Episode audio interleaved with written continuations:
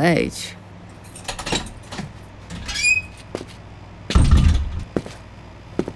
Przytyłeś, posiwiałeś.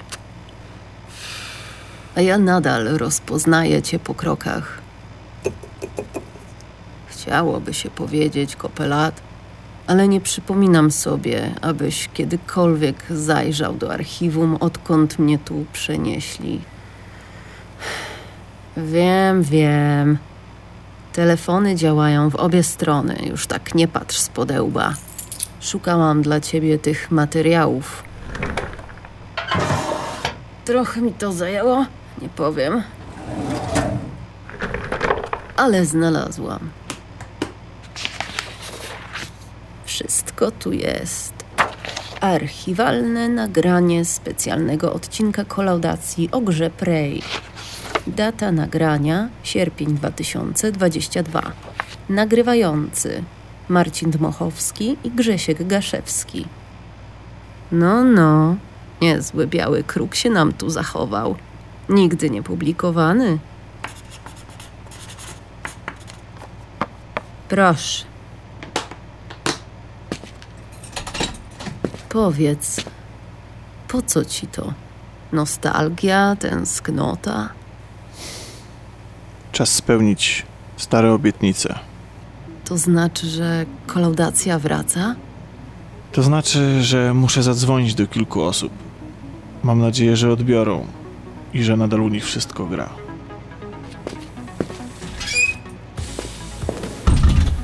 Powodzenia. No. Czas na kawę. Cholera. Gdzie jest mój kubek?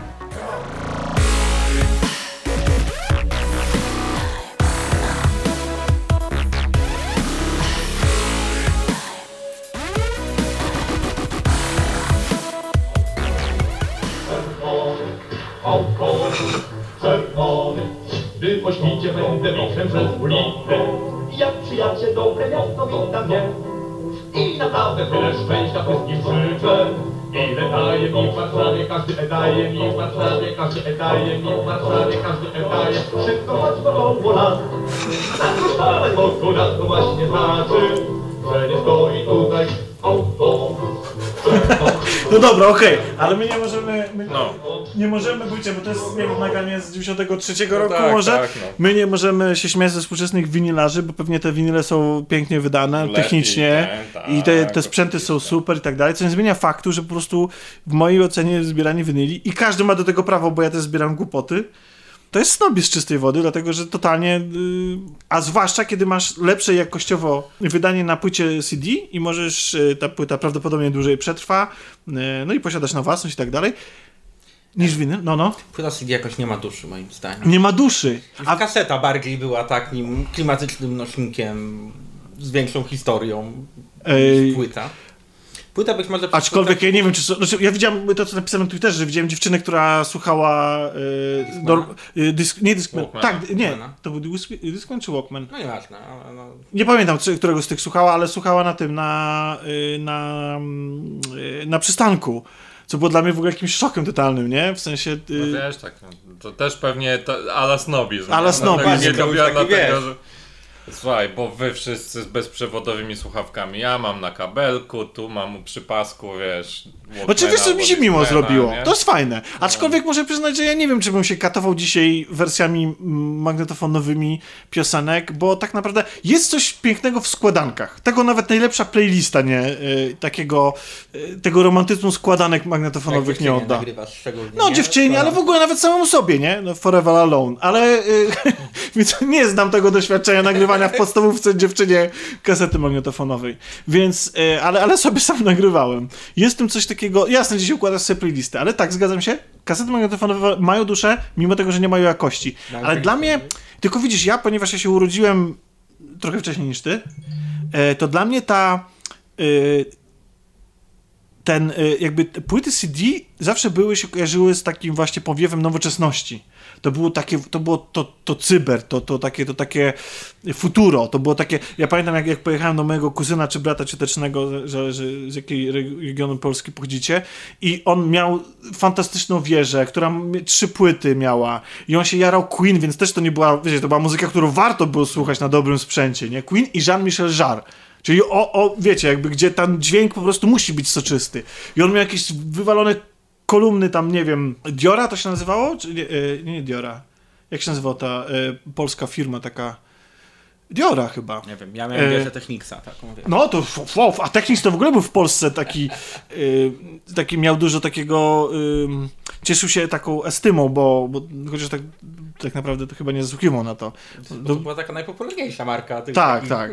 Wiesz, No więc, więc dla mnie jak po prostu, dla mnie to było, bo ja nie miałem, ja miałem Walkmana, ja nie miałem odtwarzacza płyt CD, więc dla mnie, dla mnie płyty CD to było zawsze wielkie wow, że to jest, i później pamiętam jak, jak już były już odtwarzacze i były dostępne pirackie wersje tych y, płyt, to te oryginały nadal były super, bo miały grube książeczki, świetnie były wydane, to było, to było fantastyczne. Potem przyszedł iTunes, no i trzeba było szpanować na tych, których było stać. Trzeba było szpanować z iPodami. E, no ja nie, nie szpanowałem. przed Napster. I ten- A to tak, no to nie, no to wiadomo, Winamp e, i tak dalej, to, to, to wszystko wiemy. Tylko, też. tak, ale wydaje mi się, że tą, tą właśnie tą taką romantyczną, y, romantyzm płyt CD zabił piractwo i to, że płyty CD stały się po prostu śmieciem. E, Tak. Przez te wszystkie esperancy, verbatimy Tak. o- i to, te wszystkie jakby stały się takie mentalnie po prostu postrzegane jako coś zupełnie taniego i to nie było ta, ten ekskluzywne wydanie i w ogóle nie wiadomo co powiew. Nie wiem, ostatnio ktoś wrzucał gdzieś, nie wiem, chyba na Twittera, na Twitterze widziałem nagranie y, tego, y, Sondy, tak, programu Sonda, gdzie, gdzie właśnie prezent, prezentowali. Mm, tak. Widziałeś to? Przyszłość. Tak, przyszłość i no. prezentowali właśnie płyty CD jako, jako coś takiego niesamowitego. A to wszystko uleciało i teraz y, płyty winylowe, no. A nie wiem, no ja się biję z myślami, w sumie z jednej strony bym sobie, ale y, bym sobie kupił, ale, a z drugiej strony zapytam właśnie kolegę, który ma przepiękne mieszkanie i, i w jego centralnym punkcie stoi oczywiście telewizor, e, bo jest kinomanem e, i, i gramofon pod tym telewizorem. I się zapytałem, słuchasz tych płyt? A on mówi, nie. On mówi, jakby, no po co jest Spotify, nie? Mebel, no. Tak, tak. jest mebel i ten, no tak jak masz, kupujesz, ludzie kupują albumy, nie? Masz mnóstwo albumów też z gier, czy z filmów, czy Ale ja so, ale oglądam je i czytam. No. Tak? Da, ty, ty nie? A jak się przeprowadziłem, Właśnie to nie. wszystkie A- i znowu leżą. Naprawdę? A ja mam na przykład teraz, jak teraz kupiłem na przykład y, z tego, z, y, kupiłem z y, Bitmap.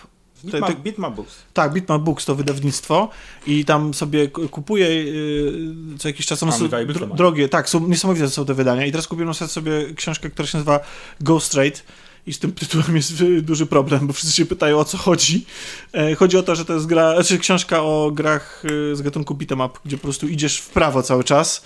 E, więc czemu nie tytuł Go Right? To też byłby politycznie, ten akurat politycznie mógł być odebrany. Natomiast e, zagadka się rozwiązała, jak zacząłem czytać tę książkę. Okazało się, że tak się nazywa em, kultowy utwór z kultowej ścieżki do kultowej gry em, z tego gatunku Street of Rage Czwarty 2. poziom, tak. Tak, i tak, i on się nazywa Go Straight. I po prostu i autor, który się zakochał w gatunku przez tą grę, a ta gra ma absolutnie rewelacyjny soundtrack.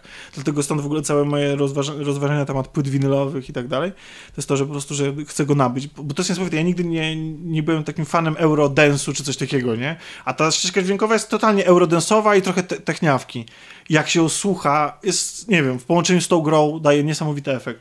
Ale o bitomapach to kiedy indziej. W każdym razie, to sobie normalnie, wiesz, te książki, te albumy, po prostu, wiesz, czytam go sobie i czytam sobie o tych grach, zastanawiam się, w którą zagrać, gdzie tam zdobyć Ale jakieś wiesz, wersje, ale takie arbu- porta, albumy właśnie jak emulator to i tak dalej. Y, No. Chyba ja na przykład mam taki ten. Musicie mówić do mikrofonu. A tu, A to już leci? No już dawno. No taką A. rozmowę bym marnował, no. A, sorry. Nie, no to ja na przykład mam od Bitmap Books ten e, Guide to Japanese JRPG, JRPG. No. I tam jest kurczę przekrój przez całą historię. To jest, wiesz, taka księga 300 stron. I też na ma- każdej stronie masz innego RPG opisanego. I to faktycznie jest fajne do poczytania. No ale wiesz, jest dużo takich albumów bardziej artbookowych, gdzie Tak. przejrzysz raz i jak nie jesteś osobą, która z tą grafiką ma coś wspólnego tak naprawdę na co dzień, żeby się inspirować, żeby się ten, tylko jesteś takim, wiesz, biernym konsumentem jak ja, no to prze, przeglądam raz. No dobra, no ale to nie masz tak, że. Bo ja na przykład. Ja nie jestem grafikiem. co, co prawda gdzieś tam zahaczam w swojej pracy o jakąś tam kreatywność, e, więc ten, ten design mnie interesuje i tak dalej, ale ja nie oglądam tych, y, tych albumów pod kątem wiesz, tego jak światłocień się rozkłada na przykład, nie, bo ktoś świetnie rysuje, tam projektuje postacie, tylko jakby od strony bardziej, nie wiem, i ciekawi mnie jak, jak, jak tam wpleciono w to lore świata i, i dlaczego taka, a nie inna decyzja. I na przykład artbooki do serii Gears of War to jest rewelacja. Ja mam dosłownie y, rozpadające się te artbooki, ponieważ tak często są przede mnie, przeze mnie przeglądane i czytane. Natomiast mnóstwo informacji wyjaśniających, że wzorowali na przykład tam jakieś zniszczone miasto na zdjęciach ze zniszczonej Warszawy po powstaniu. E, i, I jakieś jakby skąd czerpią inspirację, czemu ta postać ma spięte w, w kucyk włosy, albo tutaj ma jakiś element czerwony w ubraniu i tak dalej. To wszystko, więc tak, są artbooki i artbooki. Te, które są Mhm. dołączane na przykład tam, nie wiem, do Nintendo gier czy coś takiego, te, które mają taką formę, wiecie, książeczkowo-zeszytową, no to faktycznie... No ale to nie nazywajmy tego artbookiem, nie? To jest taki maleńki dodatek. Broszura bardziej, tak, tak. A, ale ten, no ale tak, masz rację, to, to też jest kolekcjonerstwo, Grzegorzu, e, bo e, dzisiaj przed mikrofonem e, możecie usłyszeć e, Grześka Gaszewskiego Cześć. oraz Marcina Dmochowskiego. Cześć. I to jest skład, który ja jestem Tomek Pieniak i to jest skład, który y, nigdy nie miał okazji się spotkać w ogóle na żywo, na pewno nie na nagraniu e, i właściwie z Marcinem to nie nagrywaliśmy z 20 lat. E, właściwie. Pewnie z pięć. No, Pewnie z pięć. No tak, pamiętam, że chyba ostatnie nasze nagranie to faktycznie było o grze, o której dzisiaj będziemy zresztą mówić, co jest w ogóle zabawne, a z, z Grześkiem z kolei, no to nagrywaliśmy, ale jak kolaudacja weszła w e, wersję e, kol, Murową. Chmurowo, tak, chmurowo, telefoniczno bardziej taką. A, a teraz to ja nie mam pojęcia, co my nagrywamy. Nie, nie mam pojęcia, czy my nagrywamy, dajcie to przejdę, kolaudację, czy specjal, bo zobaczymy, co wyjdzie i tak dalej. I nie mam zielonego pojęcia, jak to zatytułować, zobaczymy. E, po prostu nagrywajmy, bo temat jest y, ciekawy dla mnie, dlatego, że y, chyba prawdopodobnie przez to, że wpadło to do Game Passa, chociaż tak naprawdę, bo tak, ten odcinek będzie poświęcony głównie grom wideo, także jeżeli jesteście y, antygry, nie interesują was, to nie wiem, czy będziecie y, musieli go sobie odpuścić i zapraszamy na jakiś inny odcinek. No, ale kto wie, gdzie nas dyskusja zabierze. Dokładnie, ale zachęcamy, bo będziemy mówić o bardzo interesującej grze, e, która może zaciekawić nie tylko ym, graczy, a poza tym, no właśnie, nie wiadomo, gdzie skręcimy i na czym skończymy. Ja chciał na pewno polecić jeden z seriali, który ostatnio odkryłem. W każdym razie, wracając, co ja mówiłem właściwie? Witałeś wszystkich. Witałem, tak, nie, wiem- nie wiem, jaki to będzie Przydługi format, wstęp. jak zwykle. A powiedziałeś już o jakiej grze? Jaka no właśnie, gra no właśnie, bo, a właśnie, bo wpadła do Game Passa gra i to jest gra, którą kiedyś y, Marcin miał na naszym kanale wideo e, taki cykl e, krótki, bo wszystko jest związane z wszystko gra jest bardzo krótkie, e, a to akurat była moja wina. To był cykl, który się nazywał Gra Barbar. To zgadza się. Tak, gra Barbar się nazywał i tam y, Marcin prezentował jakieś ciekawe odkrycia swoje growe i jednym z tych odkryć to była gra 3-4 wszyscy. Prey! Prey. Prey. Prey z 2017 roku, nie mylić z Preyem z 2007 albo 2006 roku. Em, chociaż oba te IP należą do Bethesdy, teraz chyba do Microsoftu. W każdym razie one, je absolutnie nic nie łączy. E, No, no poza pewnymi elementami, ale to nie są pomyśl- te gry nie są pomyślane jako swoja kontynuacja, prequel czy cokolwiek, to są jakby zupełnie inne historie. Ale o tym później. No więc y, g- tak, Marcin nagrał wtedy odcinek, który nigdy nie został zmontowany przeze mnie i w związku z tym nigdy nie ujrzał światła dziennego. Był to odcinek, y, jak, y, sk- ten format zakładał, że Marcin musi się czymś jarać, żeby o tym opowiadać, więc tutaj już zdradzę, że, że Marcin się wtedy jarał. I teraz po latach, dosłownie, bo to chyba 4 lata faktycznie minęły, Pięć. 5 lat? Ty, ale w ogóle jak to minęło, co? No, 2017. To było w 2017 roku, jak myśmy to nagrywali. W 2017 roku 5 lat! Ale bez kitu, to w ogóle, ale czujecie te 5 lat? Nie. No ty to możesz czuć po dzieciach, ty też to też. Tak? I czujecie, że minęło te 5 lat? Znaczy ty, ty y, Marcinie. Nie, czas, czas tak leci, że wiesz, że No już... nie? Ja mam wrażenie, że, Nie że, czuję. że ta pandemia po prostu jakby wycięła też, nie? Skompresowała no, ten czas. To no, też trochę. fakt, nie? Połowa, połowa tego czasu niemalże. To Tak. była pandemia. No i to jest tak jakby w nawiasie, w związku z tym to się nie liczy, bo i tak nie mogliśmy nagrywać, a nic z tym zrobić. Taki dziwny czas, no. Teraz mamy też e, nie za specjalny. W każdym razie 5 lat minęło jak z bicza. Widzisz, co się odwlecze, to nie uciecze. Gdzieś miał dzisiaj okazję... A przy okazji wyszedł też dodatek do tego Po tytułu drodze. rok później, tak? Czyli 4 lata temu. O tym nie było mówione, nie było nic nagrane. Czyli więc... nawet można powiedzieć, że to wyjdzie na dobre.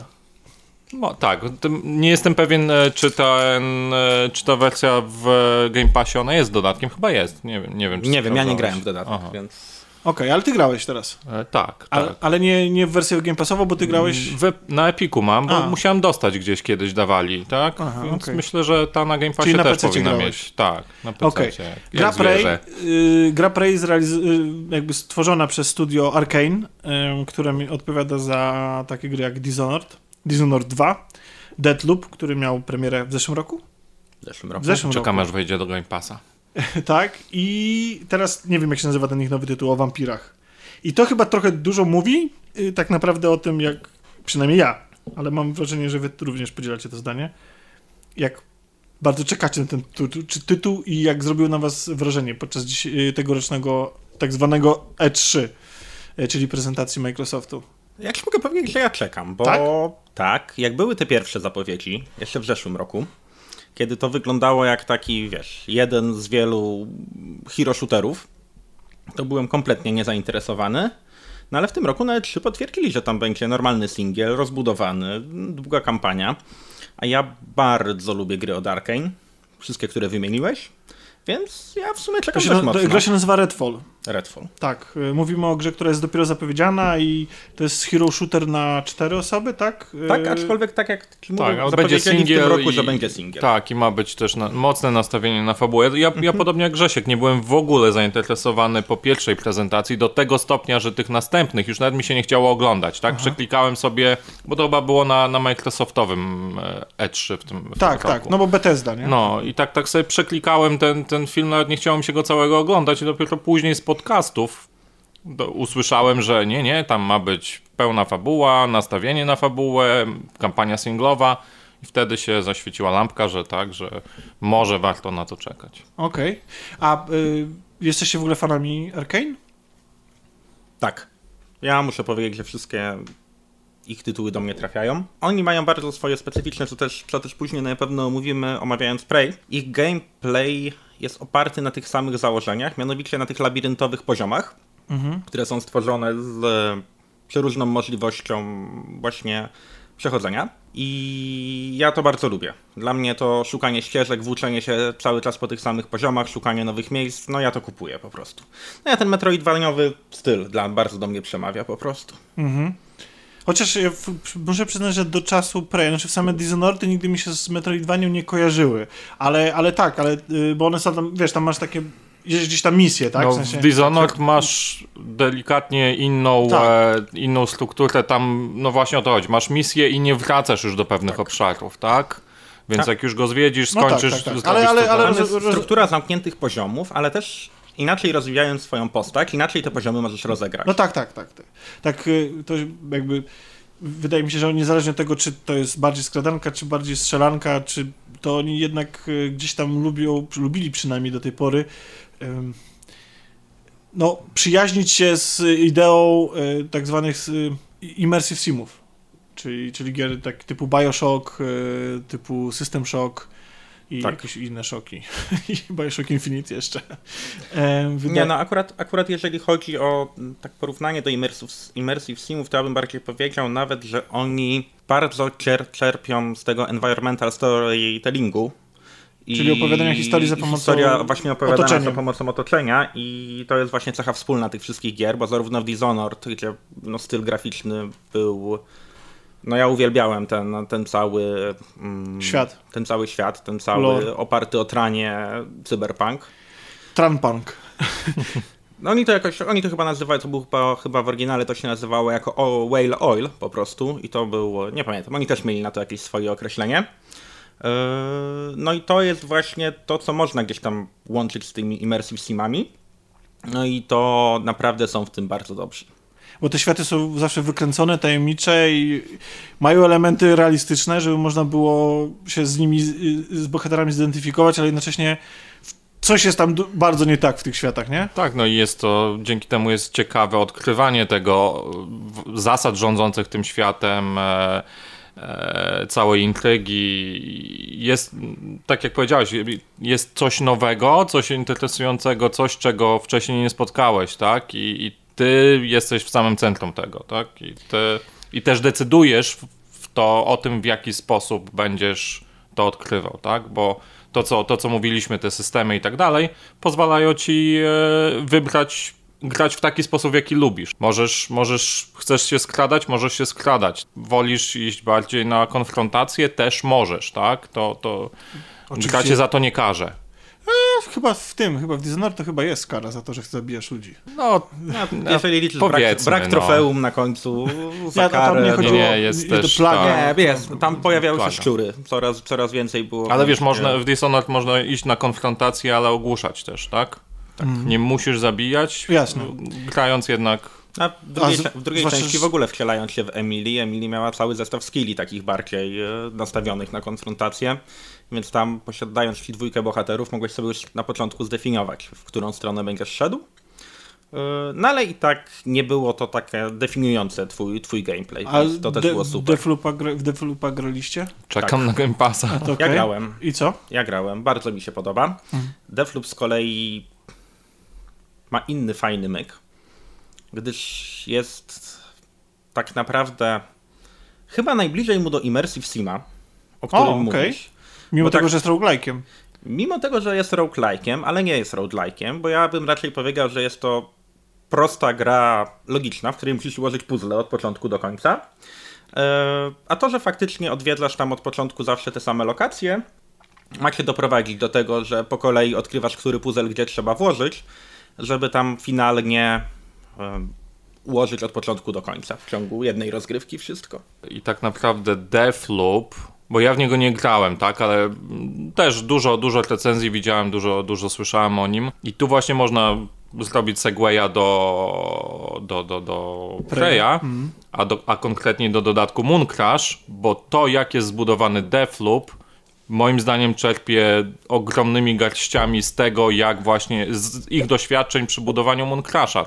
Bo tam też jest podobnie tak jak tu mówisz, że, że to jest taki puzzle, taka układanka, ale to, to później będziemy mówić więcej o Tak. Moon Crashu, to, to, to rozwiniemy dlaczego tak. Jasne. Wy się podzieliliście, to ja też się podzielę. Ja jestem totalnym ignorantem. Znaczy, może nie takim totalnym. Uwielbiam Arkane Studio za to, że istnieją. Co prawda ten skręt w cztero, y, czteroosobowy koop y, niespecjalnie mi się podoba jako graczowi i pewnie jest to w jakiś sposób moja wina, ponieważ nie żyłem ich grami tak, jak bym chciał, aczkolwiek każdą ich grę, za wyjątkiem Death, y, Death, Deathloopa, kupiłem na premierę. Mam wszystkie dodatki do, do, mm, do Dishonored. Mało tego, Dishonored 2 to chyba w ogóle posiada, jedynkę zresztą też posiadam na, na kilka platform. Nigdy żadnego również. Dishonored nie skończyłem. Nie, Ja nigdy da- żadnego dodatku do Dishonored nie Rozumiem. skończyłem, mimo że też posiadam wszystkie. Wszystkie. Więc to nie jest też tak, że ja nie wspierałem. Bardzo ich cenię za, przede wszystkim właśnie za to, że mają ten swój styl, że te gry się różnią od mainstreamu, że, że potrafiły oferować coś, czego w danym momencie może in, in, nie było modne oferować graczom. E, Szanuję bardzo skradanki, uwielbiam e, i z pierwszej, i z trzeciej osoby, więc ten Dishonored powinien mi totalnie podejść.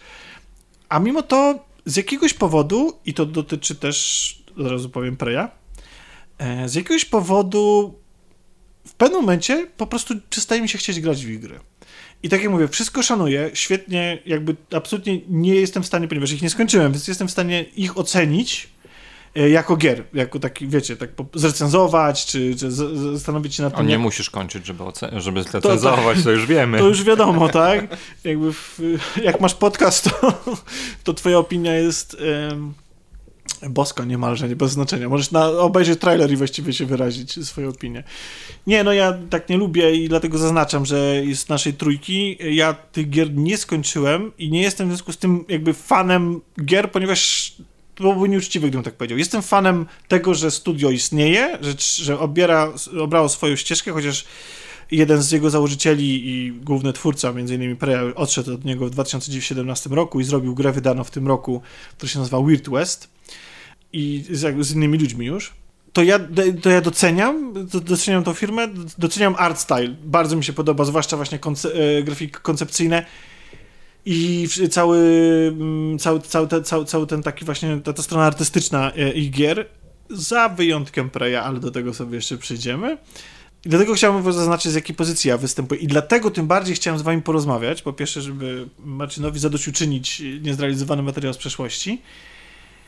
A, a po drugie, bo chciałem się dowiedzieć, bo to jest tak, że ta gra funkcjonuje jako taki, wiecie, taki, jakaś perełka, tak, którą, którą, którą, yy, którą, którą spróbować zagrać, zwłaszcza, że jest dostępna w Game Passie, dużo ludzi ma Game Passa, czyli usługę abonamentową yy, Microsoftu, gdzie jest dostęp do, do tam, miesięczny do, do wielu tam gier i można w tą grę zagrać yy, relatywnie niskim kosztem.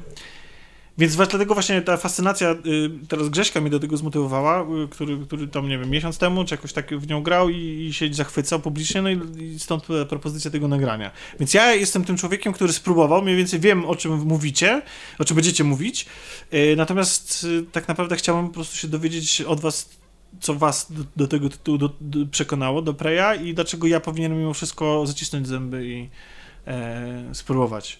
Bardzo trudno się y, y, rozmawia o tej przygodzie, ponieważ e, ona od samego początku, czy w ogóle w te, powiedzieliśmy, że jakby zahaczają te, te wszystkie gry, y, zwłaszcza Prey, od taki gatunek immersive simów, zresztą twórcy nie kryją się z inspiracjami, że to jest właśnie wiekowy System Shock czy, czy, czy Bioshocki. Jednocześnie, aha, no i ten, ten gatunek jakby jest nie- nieodłącznie związany z bardzo mocnymi zwrotami akcji, ale też z jakąś pewną tajemnicą, którą, na, gdzie jesteśmy wrzuceni w świat, którego nie do końca rozumiemy, że dzieją się, dzie- dzieją się rzeczy, których e, my nie jesteśmy w stanie rozszyfrować na samym początku i właściwie jakby y, grając dowiadujemy się historii naszej postaci, o tym świecie i tak dalej, odkrywamy te wszystkie tajemnice i na tym polegają też te gry. Mówienie o tym wszystkim otwarcie w sekcji bezspoilerowej to jest zabieranie graczom bardzo dużej części frajdy z nich płynących, zwłaszcza, że Prey ma bardzo ciekawy twist, którym się zaczyna gra. I to właściwie, nie wiem, po pierwszych 10 minutach gry właściwie następuje pewien istotny twist. I to jest... Nie wiem, nie wiem, czy o nim... Znaczy, Znaczy, bo generalnie myślę, można go ominąć. Nie, ja myślę, że ten twist możemy. Możemy Ale- o nim powiedzieć, bo on jest bardzo szybko. To jest, tak jak powiedziałeś, pierwsze 10 Tak, minut. ale gry. widzisz, to jest tak jak mówiłeś, że grasz Mhm. The Last of Us y, 2. To jest tak, jakby ktoś ci powiedział na, o prologu The Last of Us 1, którego też nikt nie reklamował, nikt się nie spodziewał, od, odpalasz grę i też jest niby na początku i też ciężko o nim nie mówić, a jednocześnie kiedy to następuje, ale z drugiej strony pomyślałem sobie co innego. Ja ten prolog przeżywam za każdym razem The Last of Us y, 1, Mhm. Mimo, za każdym razem, mimo że znam. W związku z tym Tak. dobra historia się obroni sama. Podobnie, poza tym w Preju, jeśli widziałeś chociaż jeden, dwa obrazki z gry, tak, To wiesz- one nie wyglądają jak prolog, tak? prolog. Więc wiesz, że coś jest nie tak. Dobrze, więc tak, zdradzimy tą wielką tajemnicę prologu. Zresztą chyba nawet demo w ogóle wyszło, które wyszło przy, z okazji premiery, też ją zdradzało i można było odkryć tą wielką tajemnicę, a tą wielką tajemnicą jest to, że... Okej, to... Nie, nie, czy, to może- bo, ja, bo ja, tak, Grzesiek może niech powie o prologu, bo jest dla niego świeższy. No Tak, właśnie. to może, może ja powiem trochę od początku w ogóle, o czym jest ta gra. Trochę też o settingu, który później moim zdaniem fajnie jest, e, jest o nim trochę powiedzieć, bo on też ma silny wpływ na to, jak wyglądają lokacje i ogólnie jak wygląda świat Preya. E, No więc tak. Ogólnie cały Prey oparty jest o to, że Kennedy przeżył zamach. Prezydent Stanów w sensie. Prezydent Stanów Zjednoczonych Kennedy przeżył zamach. To jest rzecz, którą, szczerze mówiąc, jak zaczynasz grę, to w ogóle nie jesteś świadomy tego i jakby... Nie, jest, nie jesteś, aczkolwiek bardzo szybko dostajesz się na tej stacji kosmicznej do muzeum, w której sobie możesz dokładnie całą historię przeczytać, więc to też nie jest jakoś wybitnie spoilerowe. No ale w każdym razie Kennedy przeżył zamach. Zimna wojna bardzo mocno została ukierunkowana w stronę rozwoju kosmicznego, tego pozbijania kosmosu. Yy, I na dodatek odkryta została obca rasa. Właśnie tyfoni, którzy są tak naprawdę metodą, takim przewodnim motywem całej gry. E, No i po tym, jak została odkryta obca rasa, Związek Radziecki razem ze Stanami Zjednoczonymi wysłali w e, kosmos satelitę, bazę kosmiczną, która miała być odpowiedzialna za, e, za badanie tej obcej rasy. No ale na tej bazie coś tam się wydarzyło nieprzyjemnego, no i ona została wycofana z użytku. Natomiast e, kilkadziesiąt lat później cudowny kapitalizm wrócił, ktoś stwierdził, że kupi tę bazę i zacznie tam komercyjne badania prowadzić. E, No i właśnie tą firmą był, był Transtar. W rolę jednego z prezesów tej firmy wciela się właśnie gracz. W Morgana Yu. W ogóle to jest, przepraszam, że, że ci przerwę, jakby, ale ten opis, to w ogóle to jakby miał, jakby prowadził do tego, że będziemy grać w jakiś symulator ekonomiczny Nie, bo to jest, to jest, zarządzania bazą. to jest dość ważna sprawa tego, no, jak chociażby będziemy chcieli rozmawiać, czemu Jasne. lokacje tak jak wyglądają, bo Jasne, one jasne. nawiązują dość mocno do tego stylu, trochę wcześniejszego niż takie klasyczne science fiction. Do którego jesteśmy przyzwyczajeni. E, No i właśnie w grze wcielamy się w Morgana Yu. E, Na początku możemy sobie zdefiniować, czy Morgan jest e, kobietą, czy mężczyzną.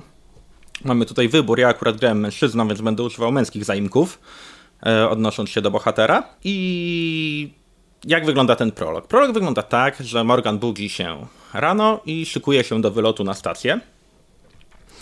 Przed wylotem na stację jest poddany kilku badaniom, takim testom laboratoryjnym, gdzie trzeba wciskać guziki po kolei, no takie standardowe, jak oglądamy czasem, czasem w filmach e, takie badania. No i nagle jeden z naukowców zostaje zaatakowany przez e, tego takiego charakterystycznego dla gry stwora, który był pokazywany wszędzie, czyli Tak przez zwanego mimika. czyli przez mimika. Tak. E, No i po chwili Morgan traci przytomność i budzi się z powrotem w swoim łóżku. Dokładnie w tym samym momencie, kiedy zaczynał dzień. Dzień świstaka. Dokładnie. Tak. Dzień świstaka. Bardzo szybko odzywa się do niego tajemniczy głos. E, Oni tam wszyscy wyposażeni są w takie arcane'owe wersje telefonów komórkowych, które nazywają się transcriby. Więc bardzo szybko przez ten transcribe odzywa się do niego tajemniczy głos osoby o pseudonimie January. I mówi mu, że musi się wydostać ze swojego mieszkania. Bo to, to jest nawiązanie do tego słynnego jedno, jednołary kłamie. nie, nie, to było z jakiegoś A, teleturnieju. Adusia mówił prawdę. Tak, Adusia mówi prawdę. Tak. Szalone A to- liczby. Ale to, tak, ale to nie chodzi o Januarego, tylko o January jako styczeń. Tak. E, No i właśnie January mówi mu, e, że musi wydostać się z mieszkania i bardzo szybko okazuje się, że całe to otoczenie, w którym przebywał Morgan, był tak naprawdę sztucznie wybudowanym laboratorium, gdzie wszystko było sztuczne, czyli po prostu bierzemy klucz francuski, wybijamy szybę w oknie, za którą był piękny widok miasta i okazuje się, że to jest wszystko atrapą. I to jest fantastyczny moment w grze. Tak. Bo to w ogóle jest tak, że... A tam- wcześniej lecisz, ale Tak, bo to jest ważne. tam jest, lecisz helikopterem i kiedy lecisz helikopterem już widzisz, że coś jest nie tak. Można zobaczyć, że coś się tam dzieje nie, nie, nie tak. No jak- ale wiesz, ale na początku jak... Ale jak nie wiesz o tym, to tego nie zobaczysz, Bo tak? tak? bo generalnie to jest tak, że przeżywamy ten dzień, że, że Morgan Mhm. się budzi, e, tam można wziąć prysznic, e, ja akurat nawrzucałem papieru toaletowego do sedesu, nie wiem do czego i próbowałem go zapchać. E, generalnie rozglądałem się po mieszkaniu, wychodzimy, wsiadamy do śmigłowca, Tak. potem jedziemy do siedziby, gdzie są badania, gdzie w ogóle wjeżdżamy windą i nagle to wszystko, to co przeżywaliśmy, okazuje się ściemą w jakimś takim niemalże wirtualnej przestrzeni, nie? E, W takiej, gdzie mamy studio, kamery nas poglądają przez e, Tak. e, lustra weneckie i ten moment, w którym właściwie naturalnie chcemy wyjść ze swojego ze swojego mieszkania na balkon po prostu, żeby uciec, bo... Chcemy wyjść z lupa, Tak, wyjdziemy, chcemy ale wyjść... nie z- def lupa. Ta, o! Okej, szanuję. E, To właśnie zbijamy tym kluczem francuskim tą szybę. Jest to bardzo mocny moment w grze. Naprawdę zaskakujący. Zwłaszcza, że wtedy jeszcze nawet gra chyba takie spowolnienie. E, czy jakby, czy jakby twórcy jeszcze bardziej podkręcają nam ten moment.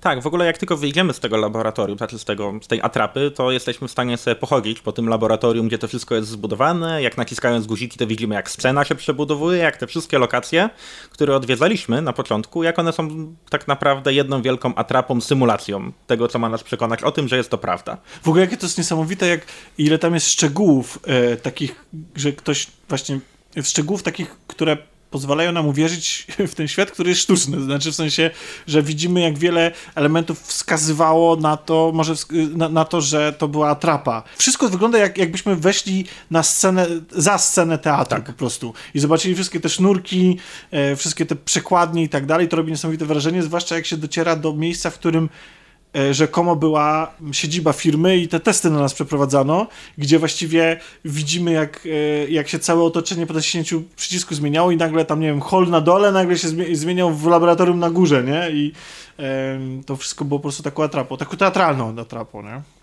Więc tak, więc to, to, robi, to, to robi wrażenie. I to jest chyba właśnie taki, chyba, ta gra jest w ogóle, to jest drugi element, z jakiego y, ta gra jest najbardziej znana. E, Tak mi się wydaje, oprócz mimików, ale to za chwilę do sobie do mimików przejdziemy. Marcinie, ty też tak miałeś takie wrażenia, jak grałeś pierwszy raz, 5 lat temu? Ten e, prolog e, niesamowicie właśnie buduje klimat, tak? Bo, bo, no bo po pierwszych 10-15 minutach nagle się orientujesz, że, że jest jakaś wielka konspiracja, o co chodzi, co się dzieje, dlaczego ja tu jestem, co ja tu robię, dlaczego w ogóle była ta symulacja. No i zaczynasz zwiedzać, tak? I się orientujesz, gdzie jesteś. To jest niesamowity taki y, haczyk na gracza i taka rzecz, która odróżnia go moim zdaniem od innych simów, na przykład y, tych immersive simów typu Bioshock, gdzie w Bioshockach te największe zaskoczenia są utrzymane na trzeci akt, albo na koniec drugiego, gdzie tam odkrywamy jakieś y, mocno zmieniające nasze y, postrzeganie tego świata i tej przygody i postaci rzeczy, to, to tutaj właściwie już od samego początku gracz i krzyczy, że to jest hej, właściwie nie wiesz co się dzieje. Tak, i to jest, to jest dosyć specyficzne, bo ile ten foreshadowing w wielu grach jest, e, jest obecny i stara się właśnie prowadzić do rozwiązania tajemnicy, dopiero na końcu pokazuje ci, że coś jest nie tak, mimo że przez cały czas dostawałeś wskazówki, to tu już na samym początku gra idzie w otwarte karty i mówi coś jest nie tak. Ale nie na tym nie poprzestaje, bo właściwie jeszcze nadal nie wiemy, że znajdujemy się na stacji kosmicznej. Dopiero to jakby to dowiadujemy się kilka minut później. To też jest przedstawione w taką za pomocą fajnej wisty widokiem na, na przestrzeń, gdzie wchodzimy na hol, widzimy wielkie przeszklone, e, przeszklony hol, gdzie, gdzie, gdzie widzimy księżyc, czy, czy, czy, czy jakieś inne, jakieś inne To jest stacja na orbicie. tak, ale też jeszcze widać- nie jesteśmy tego świadomi, więc tak naprawdę jest tam kilka stopniów, stopni, yy, gdzie, gdzie bardzo szybko dowiadujemy się trzech rzeczy. Po pierwsze, że wszystko jest kłamstwem. Po drugie, że jesteśmy w kosmosie. A po trzecie, i to jest ważne, e, spotykamy jednego z najbardziej oryginalnych, moim zdaniem, wrogów w historii gier wideo. Gdzie nie możesz wierzyć w to, co widzisz, czy to, co Dosłownie. widzisz, jest prawdą, tak? I to jest właśnie.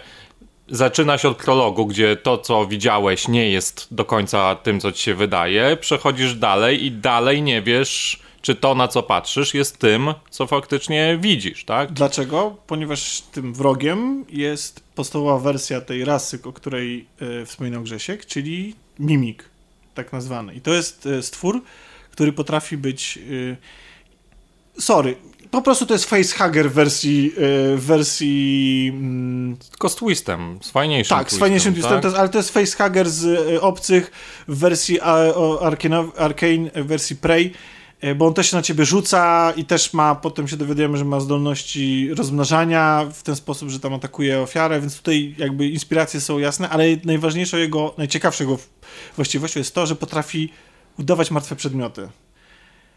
I muszę przyznać, że ja nie doceniłem tego, kiedy mamy w prologu tu sytuację, gdzie on tam kogoś zabija. To jeszcze nie zrobiło na mnie wrażenia. Ja sobie zdałem sprawę po kilku minutach łażenia po stacji, kiedy już spotykasz e, te, tych wrogów i musisz na nich mieć baczność, jak genialny to jest koncept, przynajmniej na początku. Tak, znaczy to przez długi czas jest e, tak na, e, ustawia to, w jaki sposób eksplorujesz stację, bo nigdy nie wiesz, czy w, nagle za plecami gdzieś ci nie wyskoczy mimik, bo Był krzesłem bo albo... był, to czasami, czasami można się domyślać, bo wiadomo, jesteś przy jakimś biurku, gdzie jest e, jeden komputer, a nagle stoją dwa krzesła, nie? No to wchodzisz do takiego pomieszczenia i widzisz, okej, nie? Dlaczego są dwa krzesła? Pewnie jedno jest mimikiem i, i co robisz? Wyciągasz łom i uderzasz w krzesło łomem, bo najlepszy sposób, żeby sprawdzić, żeby cię nie zaskoczył od pleców. Wszystkie kubki tłukę w tej grze. A słuchaj, ja miałem na przykład taką sytuację, to już w Mooncrashu, ale, ale wchodzę do jakiegoś dużego holu, który ma prowadzić na jakoś, e, na Space Shuttle, tak, na, na prom kosmiczny i leżą na środku holu cztery walizki. No okej, no ludzie, nie wiem, uciekali, coś, no mo, może być, nie? nie? Nie wiesz ile tych walizek tak naprawdę tam powinno być. Co się później okazało, z tych czterech walizek tylko jedna była walizką, a trzy były mimikami. Okej, no to Nie? grubo. To grubo. Ja miałem taką, ja miałem taką, znaczy przede wszystkim Grzegorzu, czy ty też tak masz? W sensie, bo ja, ja to, to jakby to buduje niesamowicie napięcie, tak jak powiedział Marcin, że właściwie non-stop jesteś w takiej sytuacji zagrożenia i cały czas obserwujesz otoczenie, bo nigdy nie wiesz, kiedy na ciebie wyskoczy e, mimik, który wcale nie jest taki łatwy do pokonania, bo jednak tym kluczem francuskim trzeba mu kilka razy przygrzmocić. A to, bo jest bardzo mobilny też, tak? Jest Tak, bardzo jest trudno go trafić, tak? Tak, Szybko się porusza i, i, i nie jest łatwo go trafić. e, Do tego jeszcze odpowiednie dźwięki, atmosfera takiego, no wiecie, no jakby budzimy się tego dnia i kiedy odkrywamy prawdę, no to już sta stacja jest e, spotykamy po drodze dużo trupów, stacja jest poniszczona, widam, widzimy jakieś barykady. No to jest generalnie takie, powiedzmy, rapture, tak, czy, czy typowe też dla immersive simów lokacje, gdzie, gdzie, które, w których się coś wydarzyło i właściwie ludzi to właściwie nie ma e, i tym jakby musimy się wszystkiego domyśleć z otoczenia, tak, co miało miejsce i słuchając e, audiologów, ale do tego jeszcze sobie za chwilę e, przejdziemy. No więc właśnie, czy też odczuwałeś to takie napięcie i, i, i ten strach przed każdym kubkiem i krzesłem? Tak, i co więcej powiem, co już też pisałem na Twitterze i za co dużo osób może mnie zaraz, zaraz hejtować, ale Prey dał mi to, czego nie dał mi Dead Space. Bo ja ogólnie jestem Mm. osobą, która. Dziękujemy, to, nie był, e, to była kolaudacja. Jest, jestem osobą, która jest bardzo rozczarowana Dead Space'em. Ja go poznawałem dość późno, już. E... To nie ma znaczenia, ta gra jest ponadczasowa w ogóle. Wiesz, co ona mogłaby być ponadczasowa, moim zdaniem, ale jest to gra, która zaczyna się świetnie. Kiedy przybywasz na stację, kiedy jest ta scena w ciemności, to jest wszystko świetne. A potem dają ci pistolet z piłami mechanicznymi. No bez jaj, no nie, to nie jest dum, no nie, nadal jednak musisz jakby, nie, nie czułeś napięcia w walce nawet z tymi ludźmi, czy to, że z tymi No, ale ja miałem pistolet, który strzelał piłami potworami. mechanicznymi. I, No nie, to było, ale też I wchodziłeś do pomieszczenia, patrzysz, o, dziura w suficie. A, zaraz wylezą. O, Te, co, coś patrz, tam ja słychać mam- skrobania. patrz No, jaki po kozak, no. E, Grzesiek w dzieciństwie wpadł do kociołka ze strachem. Tak. Nie, ale nie, ja jestem ogólnie strachliwy, ja nie przepadam za horrorami, ale mam wrażenie, że Dead Space bardzo grał, on miał świetne lokacje, był piękny wizualnie, ale nie przestraszył mnie, gdy- gdyż grał głównie tym, że zaraz potwór wyskoczy z jakiejś dziury. Że mnie nie zaskoczy, bo jak widzę dziurę, to jest duża szansa, że tam będzie potwór. Okej, Ja, ja, też powiem od razu, nie skończyłem Dead Space'a. Ja w niego grałem parę godzin, więc nie doceniam, bo właśnie nie poczułem tego. Dla Rozumiem. mnie, dla mnie za mało był horrorem, a za bardzo taką grą, w której się głównie strzela. Mówisz o jedynce. O jedynce. Okej.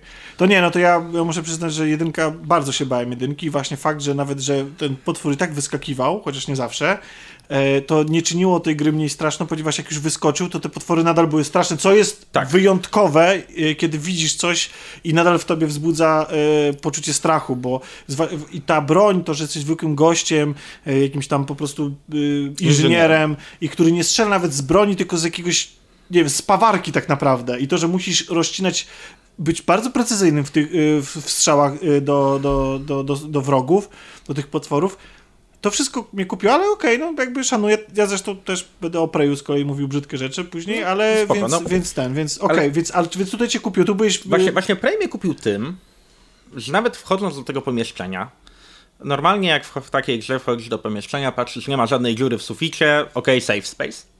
Bezpieczna przestrzeń, mogę sobie, nie wiem, apteczkę odpalić, przeładować spluwę, obejrzeć Instagrama. obejrzeć Instagrama, dokładnie. A tutaj ta gra, szczególnie na początku, kompletnie robiła to inaczej, bo każdy przedmiot mógł cię zaatakować. Mogłeś wejść do takiego pomieszczenia, stoją dwa kubki, nie wiesz, czy stoją dwa kubki.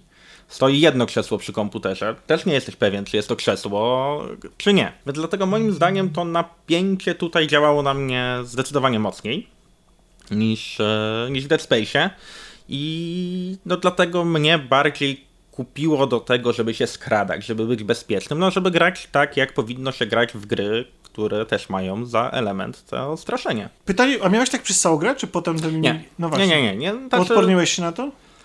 nie uodporniłem się na to, no ale później dochodzą pewne mechaniki, które, które ułatwiają trochę tę eksplorację, że trudniej cię zaskoczyć. I mi się podoba strasznie to, że te mimiki nie są skryptowane. To znaczy w sensie, że to, że w co one są zamienione, to nie jest. yy, Tak. To one nie zawsze będą zam- zamienione w to samo. Czyli to, że tam trzy mimiki były w walizce ukryte, nie znaczy, że zawsze będą w walizkach. Ja na przykład y, byłem zaskoczony tym, jak wch- wchodziłem do pomieszczenia i dosłownie widziałem, jak mimik z, z kubka się zamienił w krzesło.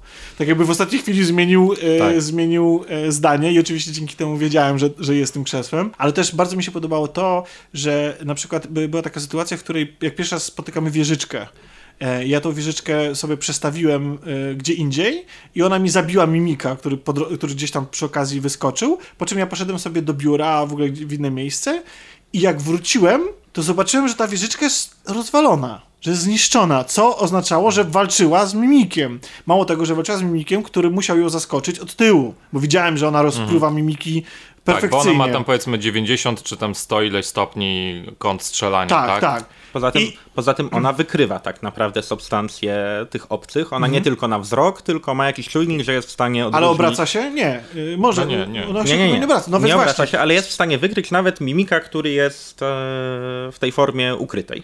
Jak, jeżeli O, jest w jasne, jego okej. zasięgu. Tak, okej, super, ale właśnie fakt, że ona była zniszczona, oznaczało, że mimik musiał przyjść z drugiej strony.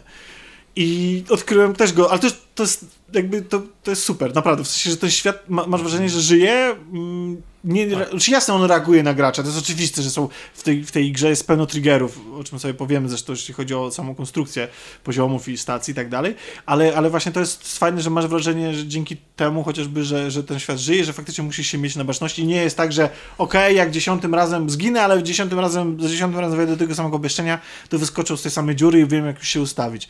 To jest super, ale mimiki to są nie jedyne, y, nie jedyni przeciwnicy, bo tak naprawdę jest ich bardzo dużo i mam wrażenie, że ci przeciwnicy są, właściwie każdy z nich właściwie jest jakąś formą kontroli, Y, to znaczy jedni kontrolują sprzęty elektroniczne, inni tam y, ludzi są w stanie kontrolować i że, że wszystkie te, że wszyscy przeciwnicy są właśnie jakby można je pod wspólny mianownik takiego zaburzenia rzeczywistości albo wręcz kreowania fikcyjnej rzeczywistości e, podpiąć. Czy się ze mną zgodzicie?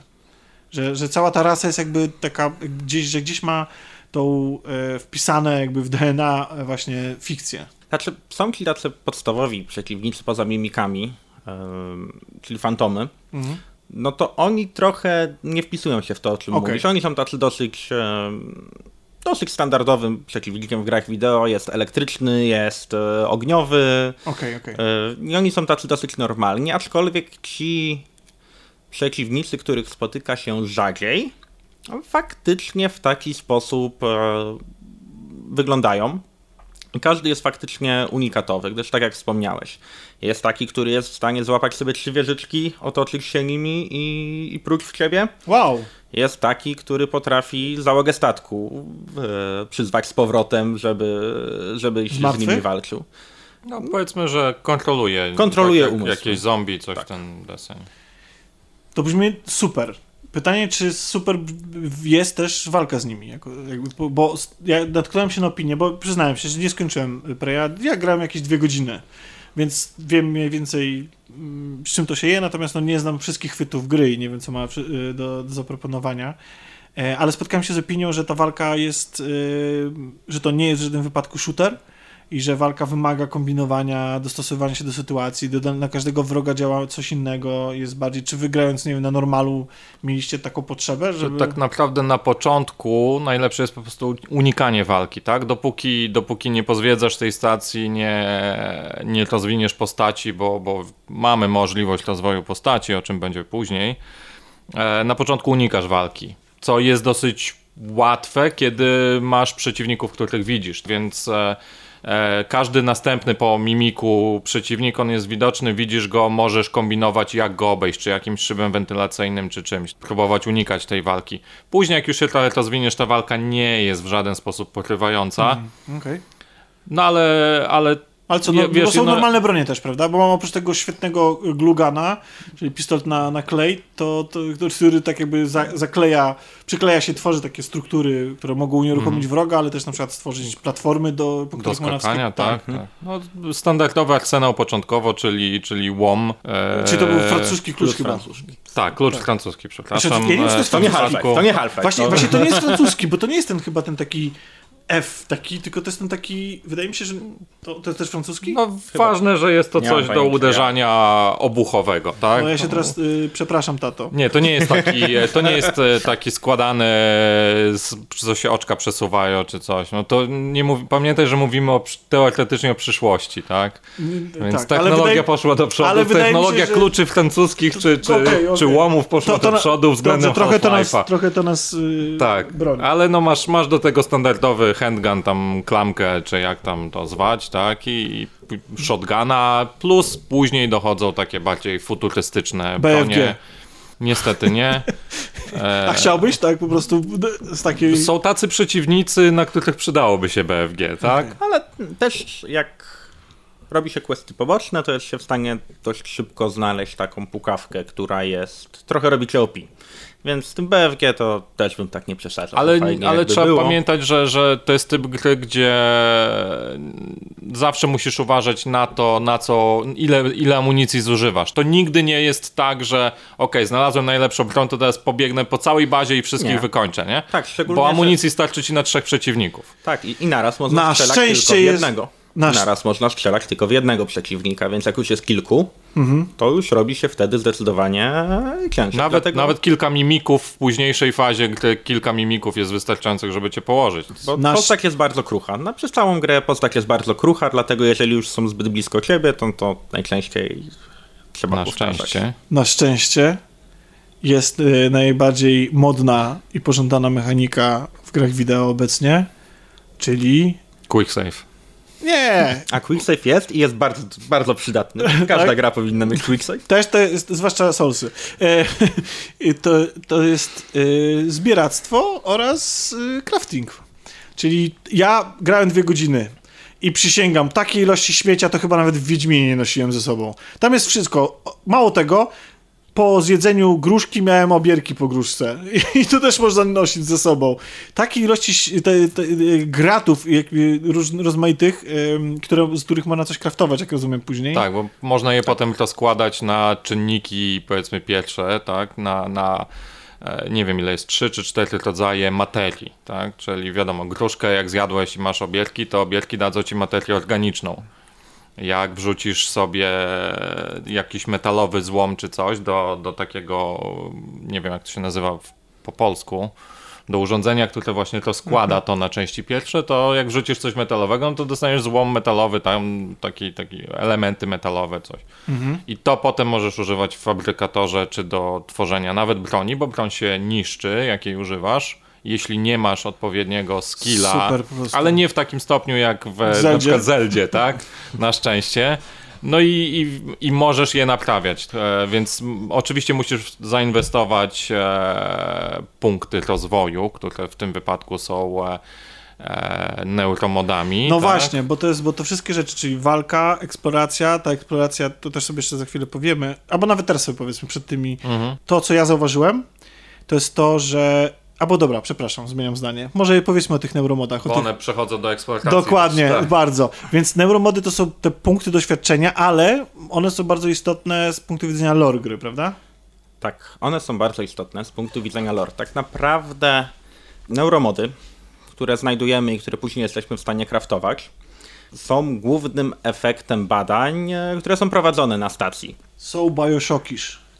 E, Trochę tak. E, Neuromod jest takim urządzeniem, za pomocą którego jesteśmy w stanie sobie podnieść nasze fizyczne lub psychiczne umiejętności, a także, ponieważ te neuromody są oparte o, o tkankę tyfonów, jesteśmy w stanie także dzięki neuromodom przejąć część ich umiejętności tyfonów i co też jest bardzo później silnie umiejscowione w mechanikach, w gameplayu, ponieważ już trochę wspomnieliśmy o samych tyfonach i ich umiejętnościach, dlatego stopniowo my też te ich umiejętności jesteśmy w stanie sobie... A- Możemy się zamienić też w kubek po prostu. Możemy się I tym zamienić. kubkiem jest Ale właśnie tego pytanie, podróżować, nie? czy nie miałeś przez chwilę przynajmniej nie zastanawiałeś się, czy powinieneś instalować sobie neuromody dające ci umiejętności tyfonów? Ja grałem, bardzo mało tych umiejętności odblokowałem, bo tam są jest, są tak naprawdę dwa drzewka. Te, tak naprawdę jest sześć drzewek, z czego trzy są ludzkie, trzy tych umiejętności tyfonów. No i ja z tych tyfonów e, umiejętności odblokowałem z 4-5, podczas gdy tej ludzką ścieżkę rozwoju odblokowałem Nie, praktycznie no tak, całą. bo ja cały czas miałem z tyłu głowy ten klasyczny cyberpunkowy też motyw, że, Że jak w pewnym momencie to- jak za dużo zainstalujesz sobie modów, no to czy jesteś człowiekiem, czy jesteś maszyną, no to w tym wypadku to- czy jesteś człowiekiem, Ale czy widzisz, zmieniasz się w tyfona gra- już, tak? Tylko, tylko A widzisz, wiecie, że gra też na to reaguje. Tak. Gdyż w momencie, kiedy e, odblokujesz za dużo umiejętności tyfonów, e, wieżyczki zaczną cię traktować jako obcego i do ciebie strzelać. I to jest super. To znaczy, w sensie super jest to, że możesz przegiąć z tymi. Tak, y, tego nie było w Bioshockach, bo tam, y, o ile pamiętam, w Bioshockach po prostu mogłeś mieć i robić z tymi umiejętnościami. No tam w zasadzie nie dało się bez tych umiejętności. Musiałeś Dokładnie, je ale mieć, one, tak? są, one, one są tak super tam- pomocne. I Tam ja, ja wybór potem, był tak naprawdę trochę inny, bo tam czy sam zdobyć ten, ten, czy podjąć e, się walki z małą dziewczynką i jej dużym towarzyszem, czy, czy nie, czy, bo zazwyczaj można było uniknąć tych konfliktów, więc tam ten wybór był trochę wcześniej niż na poziomie, już, niż na Tak. poziomie w co inwestować, No, czy- te punkty, jakie no zdobyliśmy. tak, że, że nie miałeś, że jakby żeby moc mieć, to faktycznie, ta, masz rację. Natomiast y, tutaj, tutaj gra, no, ja zainstalowałem sobie ten pierwszy mod, bo to ja chyba hakowanie wziąłem, czy coś takiego. To jest ludzki skill. Y, to jest ludzki, tak? tak. Aha, okej, bo, bo właśnie, bo byłem na siebie potem zły, to znaczy w sensie właśnie zacząłem się zastanawiać, bo gra, gra nie mówi ci, że instalowanie Nie, ale one mają inne kolory, tak? Ale ja wiem, ale, A, ale, no, ale, ale ona ci nie mówi, Mhm. w żaden sposób ci nie sugeruje, czy coś jest dobre, czy złe, bo No dobrze, że nie sugeruje, ale widzisz, tak? bo Bo, na przykład- musisz podjąć tę decyzję sam. Tak, tak. Bo, bo tu nawiązanie do cyberpunka. W cyberpunku nie też nie było tego motywu cyberpsychozy. Cyberpsychoza w cyberpunku występuje, ale to, że my polujemy na cyberpsycholi, no to, czy ludzi, którzy dotknęła cyberpsychoza. Natomiast, natomiast y, to nie jest tak, że postać gracza może, co jest bardzo, bardzo dużo wadą moim zdaniem tej gry. Ja jako fan tego świata i cyberpunka w ogóle uważam to już świetny mechanizm. Zwłaszcza, że on się połowicznie pojawił w Deus Exie, w Mankind Divided, gdzie, gdzie, gdzie też miałeś pewne ograniczenia pod względem tego, jakie możesz moce odblokować. Jeżeli odblokowałeś za dużo, to ci się organizm przegrzewał. I to jest, i to jest, i to jest super, tylko że tam po prostu twórcy w Deus Exie też są właściwie takimi prawda, immersive simami, trochę bardziej mocniej, może trochę delikatnie w stronę RPG, bo mamy wybór opcji dialogowych i tak dalej. W każdym razie, ale te- te- też mają dużo wspólnego. Mają dużo wspólnego też projekty poziomu w Deus Exie z, po, z, projektam, z projektami w Prey, bo to, co ja zauważyłem i to, co się łączy właśnie z tymi przypomnij mi się jak, się, jak, się, jak się nazywają te y, punkty umiejętności? Neuromody. Neuromody. Neuromony. Y, z, to, co się łączy z neuromonami, to jest to, że jakby, że instalując sobie te neuromony, Mody. mody, przepraszam, yy, właśnie tych obcych, możemy na przykład zwiększyć swoją siłę, możemy się zamienić w kubik, co pozwala nam na przykład na ominięcie wrogów albo dotarcie w, w miejsca i y, tych ym, sposobów na dotarcie w to miejsce jest kilka dokładnie tak jak w Deus Exach. Czyli w zależności od tego, w jaką stronę pchniemy swoją postać, w stylu, w stylu jesteśmy silniejsi, więc gdzieś poszukajmy, może gdzieś tam Skrzynkę z tyłu przestawić. można przestawić skrzynkę, żeby się dostać jakimś kanałem. Albo na przykład jest mała, mała dziura y, da, dla petentów y, w, w kratce na recepcji, możemy się zamienić w kubek i go tam i się tam dostać skacząc kubkiem. Albo możemy rozwijając y, umiejętności hakerskie zhakować y, mm, panel dostępu, tak? I tak dalej, i tak dalej. To mi się, to mi się bardzo pod... znaczy ja tego nie doświadczyłem tak bardzo grając przez te dwie godziny, ale domyślam się, widziałem, widziałem te możliwości. I to jest, to jest coś, co mi się wydaje, że jest super i coś, co coś, co odchodzi, nie czy w sensie mam wrażenie, że właśnie poza Deus Exami, czy, czy właśnie tymi, czy grami od Arkane to nie jest spotykane i Znaczy wiadomo, że... ten projekt poziomów, nie? Tak, bo taki to wymaga dużo, jednak dużo więcej pracy, żeby to tak zrobić, żeby e, żeby nie było jednego, jednej ścieżki Oficjalnej zawsze, tak, wejścia czy, gdzieś, tak? E, Czy rozwiązania problemu. Tak. Wiadomo, no często sp- sprowadza się do tego, że masz trzy opcje, powiedzmy, tak? Albo jesteś silny, albo jesteś hakerem, albo jesteś, nie wiem, zwinny i wysoko skaczesz, czy coś, tak? Ale mimo wszystko, no, widzę tutaj trudność takiego za, zaprogramowania tego, takiego zrobienia tego, żeby, żeby wraz z twoim rozwojem też e, te kolejne obszary stawały się w końcu dostępne, do których wcześniej nie miałeś dostępu, mimo że już tam powiedzmy byłeś troszkę silniejszy, ale może jednak nie dość Ale o ten jeden tak? skok za, za, za, za Tak, a poza za tym nie, nie zawsze będziesz miał trzy drogi wejścia do małej e, stacji s- e, bezpieczeństwa czy- czy do laboratorium. Jak nie masz hakowania, to nie wejdziesz. Albo powiedzmy, Mhm. Masz hakowanie, ale tam akurat jest, musisz mieć naprawę, tak, żeby naprawić jakiś terminal, tak? Znaczy nie wiem jak ty, ja to lubię, bo z jednej strony się irytuję, co prawda, że coś mi omija, Ale też widzisz, że. Że twoje wybory mają tak, znaczenie. Dokładnie. I, I czasami możesz też, okej, zapamiętać. Tu widziałem przez szybę, że leży neuromod, które szczególnie na początku są bardzo pożądanym y, materiałem, ale potrzebujesz do tego mieć czy taki, czy inny skill, wiesz, tak, rozwinąć się w taki, czy nie inny sposób. A może nie musisz się rozwijać, bo może jest tam e, zamek na, na hasło, które znajdziesz gdzieś indziej w mailach. Tak też może być. bardzo Deus Exowe. Czytanie maili y, to jest połowa Deus Exa. No właśnie, pytanie... Ja o czytaniu maili chciałbym jeszcze dużo powiedzieć. To za tak chwilę, Naprawdę. to za chwilę, ale To jeszcze za chwilę, To za okej. chwilę chciałem się ciebie zapytać z kolei, czy też, czy, czy twoi, w twojej opinii ta kompleksowość, o której wspominał e, Marcin i ta trudność, znaczy w sensie ten, te, to, czy, udało, czy dowieźli? W sensie, czy udało im się osiągnąć właśnie tą kompleksowość i czy te projekty poziomów dają frajdę, y, jeśli chodzi o samą eksplorację, tak? Czy stacja jest zaprojektowana, czy te ścieżki dojścia gdzieś y, są satysfakcjonujące i pozwalają czuć się mądrym albo, że, y, że podjąłeś dobre, złe y, decyzje. Ogólnie eksploracja stacji daje olbrzymią satysfakcję i to zarówno na poziomie mikro i makro. No bo stacja też jest podzielona na jakieś takie mniejsze, logiczne fragmenty. Yy, zaczynasz tam od holu, później przechodzisz do laboratorium, później przechodzisz do, do każdego kolejnego pomieszczenia. To na poziomie makro.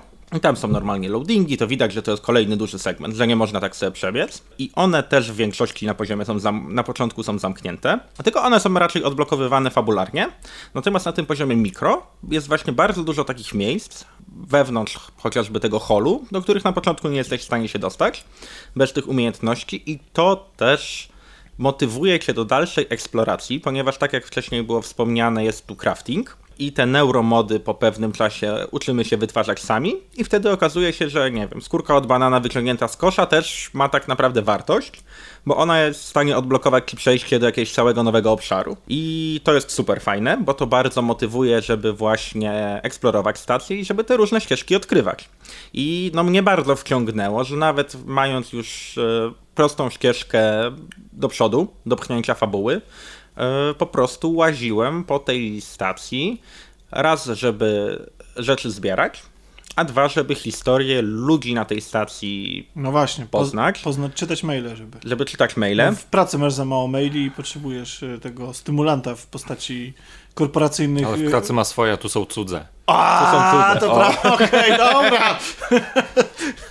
E, No dobra, to może ja powiem trochę. No, to dawaj o trochę mailach. Chcę, chcę o tym opowiedzieć. Ale jeszcze zanim o tych mailach. właśnie, jeśli chodzi o tą eksplorację, tak, to jest to ten typ gry, który nagradza cię za eksplorację, nagradza cię za różne sposoby podchodzenia do tego samego wyzwania, w sensie, okej, udało ci się otworzyć jakieś drzwi do pomieszczenia, ale tam jest jeszcze szyb wentylacyjny, którym możesz wejść, przynajmniej ja tak zawsze robię, że mimo, że, Że wychodzi- wszedłem, do, wy- wychodzisz wszedłem inną drzwiami, drogą. wychodzę szybem, Okej, tak? Okej, No bo może szanuję. w szybie coś No, leży. dokładnie, a tak? leży? Czasami. Okej.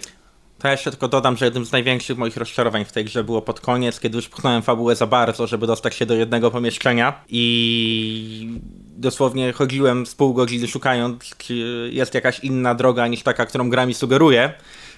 No niestety ta była już zamknięta przez postęp fabularny i byłem tym Najgorzej. strasznie, byłem tym tak rozczarowany, tak mi było smutno. A gra nie cię nie poinformowała, że to jest punkt bez odwrotu, czy coś takiego? Nie. Okej. Nie, bo no.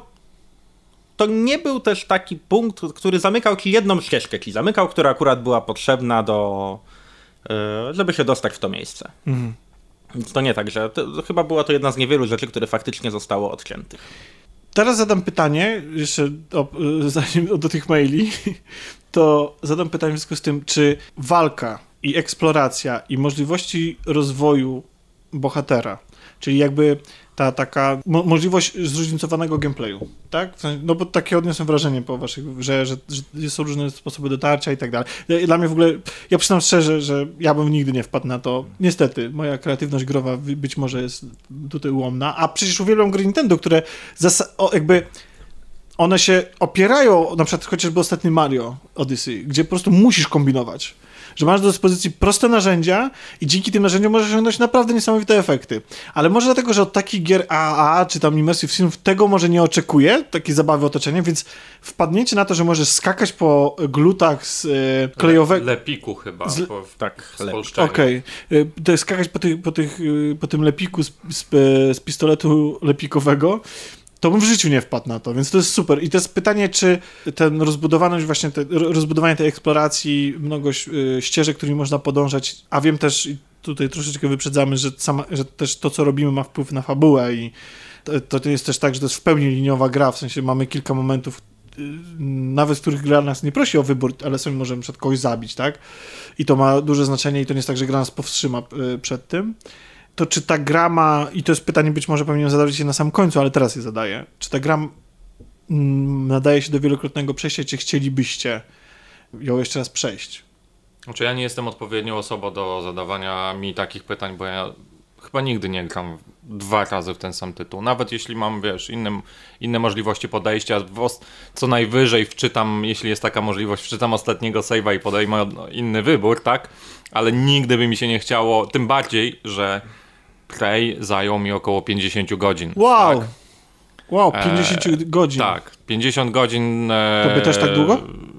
Generalnie zwiedziłem całą stację w każdym kierunku okej, okay, grając jeszcze raz mógłbym grać szybciej i tak dalej, ale jest tyle fajnych gier, tyle, tyle historii do, do odkrycia. A, ta historia, którą dostałeś, jesteś usatysfakcjonowany? Bo mając tam moż, eee, różne możliwości... O tym może na końcu. Dobra, okej. Okay. Tak, bo, bo zakończenie jest bardzo kontrowersyjne i było bardzo dużo też, dużo, dużo słów krytycznych padło po, pod tym względem. Okej, okay, to sobie za chwilę, to, to, to za chwilę sobie o tym porozmawiamy. Grzegorze, ty byś wrócił do tej gry jeszcze raz? Ja bym do niej nie wrócił. Mam wrażenie, na pewno nie tak, żeby usiąść drugi raz i, i przechodzić od początku.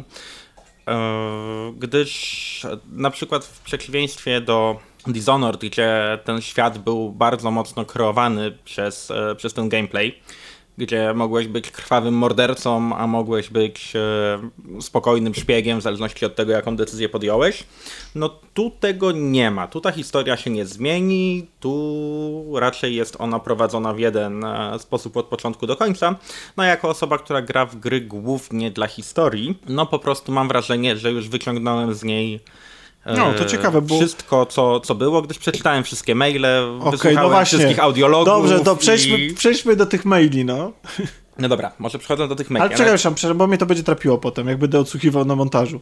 Bo czy chcesz mi powiedzieć, że to, że na przykład kogoś zabijemy i nie będziemy później mieli z nim opcji dialogowych, to, to dla ciebie jest za mało, czy że nie, nie, nie, nie wpadłeś na coś to tak takiego? tak bardzo dużo nie zmieni. Tak okay, naprawdę. Tak? W, bo ja widziałem, tak. bo ja widziałem może tak... zmienić zakończenie. Okay. Tak. Może zmienić zakończenie. Samego świata gry ci nie zmieni, tak? Więc jeśli grasz tak jak Grzesiek, tak jak ja W bardzo małym że... stopniu tak. zmieni ten okay. świat. Że zwiedzasz wszystko, co możesz, tak?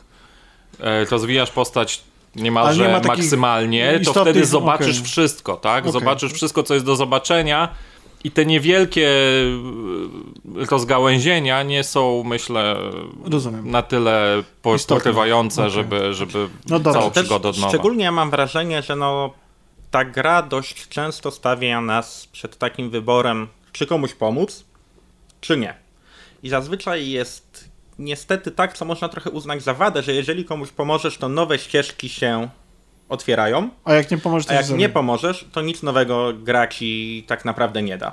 Okay. A poza tym nie, nie oszukujmy się Czyli gracze, jeśli lepszy. mają wybór pomóc, nie pomóc, to i tak pomagają. To jest ciekawe zagadnienie, to, bo to są, to, to nie jest właśnie Wiedźmin, gdzie nie ma dobrych wyborów. Tutaj masz wybór, no jeśli jesteś graczem, większość graczy jednak, jeśli masz wybór, pomogę komuś albo nie pomogę i może on zginie czy coś, to zazwyczaj liczysz na to, że ok, pomogę, no to może coś dostanę za to, rozwinę postać lepiej, więc pomagasz. To jest, I to jest, to jest gamizm, nie? W sensie, tak, zwłaszcza, tak. zwłaszcza, bo jednak ta kwestia pomocy, nie pomocy to jest kwestia no, moralności, dosyć jedna z istotniejszych rzeczy w życiu ludzi. I to jest też coś, co gry potrafią niesamowicie zepsuć, wykorzystać w sposób, tak jak moja ukochana seria Infamous niestety robi ten akurat aspekt bardzo źle. E, bo to po prostu musisz być albo super zły, albo super dobry. Nikt nie jest po prostu... A to wiele gier tak, tak. ma, nie? Nie, nie, nie, nie masz... Mass jeśli, Effect. Tak, na, dokładnie, to, to, to była moja kolejna myśl, tak? Jeśli albo jesteś dobry, albo zły, bo nic, po, będąc po środku, tak naprawdę podwójnie tracisz, tak? Bo, bo nie masz żadnych benefitów z bycia takim trochę dobrym, trochę złym. Tak, ale właśnie to jest, to jest właśnie fajne, nie wiem, bo ja na przykład potrafię być tak wciągnięty w historię i te postacie potrafią mnie tak zaangażować, że ja potrafię zrobić albo nie zrobić czegoś, nawet rezygnując z jakiejś części gry, tylko dlatego, że to się kłóci z moimi, nie wiem, wartościami moralnymi, albo że chcę prowadzić postać w taki, a nie inny sposób, albo że kogoś nie szanuję, albo nie wierzę mu. I tak na przykład y, wielokrotnie, nie, czy tak jest w Cyberpunku miałem wielokrotnie, że ja na przykład z, zrezygnowałem z misji, którą później tak zrobiłem, bo się okazało, że ona była wstępem do tej słynnej misji z y, skrzyżowaniem e, na wizji, ale wcześniej o, jakby wstępem do tego jest zupełnie inna misja, misja, której ja nie, w ogóle nie chciałem robić, bo, bo poczułem, że moja postać nie jest jakimś tam najemnikiem, żeby o, po prostu odstrzeliwać ludzi gdzieś tam na lewo i prawo, nie? Tak, bo tak się jej podoba. Starałem się szanować życie, nawet tych e, gangusów, tak? No, ale wracając, no więc e, pytanie, czy, czy ta gra ma takie postacie, z którymi się e, i takie historie, które w was wywołały y, te emocje, że nie wiem, chcieliście kogoś koniecznie uratować albo albo ktoś was y, tak od, odepnął, że go nie chcieliście uratować i czy przeżywaliście w ogóle to, co się dzieje w trakcie tej historii? Przeżywaliśmy jak najbardziej tak, gdyż są tam... Wy Grzegorze. My Grzegorze jak najbardziej przeżywaliśmy. E, Nie, ja przeżywałem, e, o czym zaraz opowiem, wraca, Tak, bo- wracając bo- do maili, do dojdziemy. czytania maili, ale ja mam wrażenie, że akurat e, tutaj umiejscowienie akcji, umiejscowienie bohatera lub bohaterki w taki sposób nie za bardzo daje ci tę opcję, ponieważ jesteś człowiekiem, który jest na stacji kosmicznej e, opanowanej przez e, obcą rasę, która chce cię wykończyć, to nie wiem jak niską empatię musiałaby być taka osoba, żeby pokłócić się z kimś tak bardzo, żeby nie chcieć go uratować. Chyba, chyba nie widziałeś, chyba nie widzisz Obcy 2. Szczególnie, że tych osób na stacji spotykamy nie tak znowu dużo, tak? Więc No, ale to jest podstawowa zasada horrorów, korporacyjnych horrorów rozgrywanych y, w przestrzeni kosmicznej, gdzie wrogiem jest obca, mordercza rasa, to jest to, że zawsze musi być jeden ten typek, który wszystko robi dla pieniędzy. bo korporacje są gorsze od obcych ras. to, to, jest, to jest nauka, którą powinniśmy wyciągnąć z, z takich właśnie tworów. To jest Ridley Scott i Cameron już nas przestrzegali 20-30 lat temu. A my co robimy? Wayland Yutani, tak, to gorszy wróg niż ksenomorfy. No tak, no wracając. No więc y, te fascynujące historie w mailach. Dlaczego Em. jesteś y, stalkerem? Jestem stalkerem, znaczy ogólnie w każdej grze jestem stalkerem. Ja jestem tym graczem, którego nie odpycha czytanie dużej ilości tekstu Okej. w grach. Gdyż ja Masz duży telewizor i to pomaga. mam duży telewizor, dość blisko siedzę, więc nie mam z tym problemu. Yy, Akurat Prey ma tę fajną opcję, że jak jest za daleko, to twoja postać może po prostu podejść do ekranu i wtedy praktycznie cały ekran zajmie ci, zajmie ci połowa maila. Tak jak y, już wspominaliśmy, na początku jest główny bohater wrzucony na stację, o której nic nie wie. Tak, odkrywając tę stację, y, stacja kosmiczna jest jednak dość hermetycznym miejscem z ograniczoną liczbą pracowników, którzy tam są. I Arkane tutaj podjęło świetną decyzję, że żaden pracownik na stacji, żadna postać, żaden mail, który przeczytamy, nie był przypadkowy. Oni tak naprawdę wykreowali tę stację w taki sposób, że zwiedzając, czytając tę maile, miało się wrażenie, że ta stacja faktycznie funkcjonowała tak, jak mogłaby funkcjonować e, zwykła stacja kosmiczna. Czyli odpalając komputer e, jakiejś osoby, widzimy tam pięć maili pracowniczych i I nagle... czy- re, re, re, re. Doku- tak to wygląda, tak to wygląda. Piramidka, nie? Widzimy takie piramidki konwersacji, ale widzimy też, że nagle ktoś pisze maila, że w piątek to spotykamy się tu i tu i będziemy robić to i to. I faktycznie na przykład idąc później w takie miejsce, gdzie te osoby miały się spotkać, no niestety często spotykasz tam ich trupy. Dokładnie tych konkretnych osób. Gdyż każdy pracownik na stacji, na Talosie, jest nazwany, posiada normalnie imię i nazwisko, a co więcej, podchodząc do komputera ochrony, my jesteśmy w stanie sprawdzić listę pracowników tej stacji i każdy z nich był wyposażony w opaskę namierzającą. Jesteśmy w stanie odnaleźć każdego pracownika tej stacji. Jesteśmy w stanie prześledzić tak naprawdę śledząc korespondencję mailową, a także Czy wy tego, odnajdując... wy, nie, wy tego nie, słyszy, nie widzicie, ale y, Grzesiek to opowiada, ja rozumiem, dlaczego on to opowiada, z takim ogniem w oczach, z taką fascynacją, że to jest, bo to jest absolutnie super rzecz, jeśli chodzi o grę, ale prawdę mówiąc, jako pracownik korporacji, to nie wiem, czy bym się z tego powodu cieszył. Ale ja jestem pracownikiem Pamiętaj, korporacji. że, pamiętaj, że jesteś wtedy na stacji, więc gdzie uciekniesz? No. No, tym bardziej nie chciałbym, żeby, żeby, żeby wiedzieli, gdzie Nawet, jestem, tak. gdzie, gdzie nawet, no, Nie, no to jest, no to ma ten taki jasne, dystopi, ja dystopijny żartuję trochę klimat, ale Tak, ale jest to duże, duża pomoc w eksploracji, tak. To o czym mówiliśmy, jeśli ktoś chce zajrzeć w każdy kąt i tak dalej, to też może jak z Pokemonami zebrać każdego pracownika stacji, tak? Bo komputery ci odhaczają, jeśli znalazłeś jakieś Wow, okej. zwłoki, masz odhaczone, że tą postać już e, spotkałeś, tak? Znalazłeś jej zwłoki. Dzięki czemu pod koniec, jak ci zostanie kilka zwłok, których nie, nie, nie spotkałeś, tak? To możesz sobie nawet włączyć śledzenie Żeby Czyli ci coś- pokazywał GPS, powiedzmy, za- gdzie, ta, gdzie te zwłoki są. Ale już nawet nie samo szukanie, oczywiście jak znajdziesz te zwłoki na koniec, dostaniesz jakąś małą nagrodę, bo ktoś ten będzie miał przy sobie czy naboje dodatkowe, czy neuromod, e, czy tego typu rzeczy, ale czytając te maile, szukając e, tych zwłok, chodząc po stacji jesteś w stanie odtworzyć historię każdego z tych pracowników. Dowiadujesz się, co się z nimi stało, Dokładnie, tak? co się z nimi stało i to nie na poziomie, że przyszła obca raca, zrobiła czystkę na stacji. Dowiadujesz się o każdym pracowniku jego taką małą historię. Jest oczywiście kilka takich wiodących osób, o których dowiesz się więcej, mniej, ale na przykład czytasz sobie te maile, widzisz, że ktoś pisze o jakichś grach wideo, idziesz później do kajuty takiej osoby i widzisz, że stoi konsola, stoi odpalona Okej. jakaś gierka i to wszystko się później bardzo ładnie skleja. I to zarówno pod względem takiej czysto pojedynczych historii, pojedynczych postaci, jak i dynamiki między nimi. Że odkrywasz w pewnym momencie, kto z kim się kłócił, kto z kim sypiał na tej stacji. Wszystkie takie rzeczy odkrywasz i po prostu jesteś w stanie poznać historię, poznać historię całej tej stacji. No takim koronnym przykładem jest to, że czytając maile dowiadujesz się, że kilka osób gra w gry RPG. I chodząc po tej stacji jesteś w stanie gdzieś na czyimś biurku znaleźć kartę postaci, gdzieś na czyimś biurku jakiegoś mistrza gry znajdziesz mapę, którą narysował i Wow. z jakimiś wskazówkami do skarbu. I czytasz te maile, że ja wcielam się w jakiegoś tam barbarzyńcę dzisiaj, który będzie robił to, to i to. I tam jest naprawdę tyle takiego zbędnego na pierwszy rzut oka flafu, który tak naprawdę buduje całą tę stację. I dlatego eksploracja tej stacji, poza włażeniem w każdy kąt, żeby być wynagradzanym tak czysto gameplayowo, ale pozwala ci poznać historię tej stacji i to jest właśnie świetne, gdyż to wszystko się bardzo ładnie skleja i wszystko później ma umiejscowienie także nie w samym gameplayu, ale w warstwie chociażby questów pobocznych. No właśnie chciałem do tego przejść, bo, Że- bo nie wszyscy się znaleźli w, w Pokédexie, bo niektórzy jeszcze dychają. Tak. I jeśli chodzi o questy poboczne, to Bo je robimy właśnie dla tych NPC-ów, prawda? Tak, możemy, też możemy tak naprawdę wyróżnić dwa, dwa takie rodzaje questów, takie większe, kiedy faktycznie spotykamy kogoś żywego i najczęściej musimy mu pomóc albo go uratować.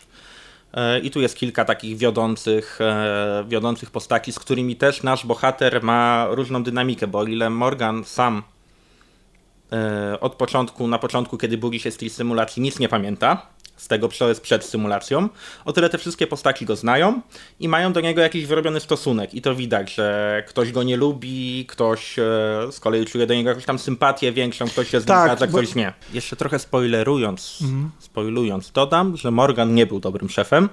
Okej. Bohater, w którego się wcielasz, wcale nie był dobry, więc to poznawanie siebie poprzez e, poznawanie tych relacji z e, konkretnymi postaciami też bardzo fajnie buduje, buduje postać, w którą się wcielasz.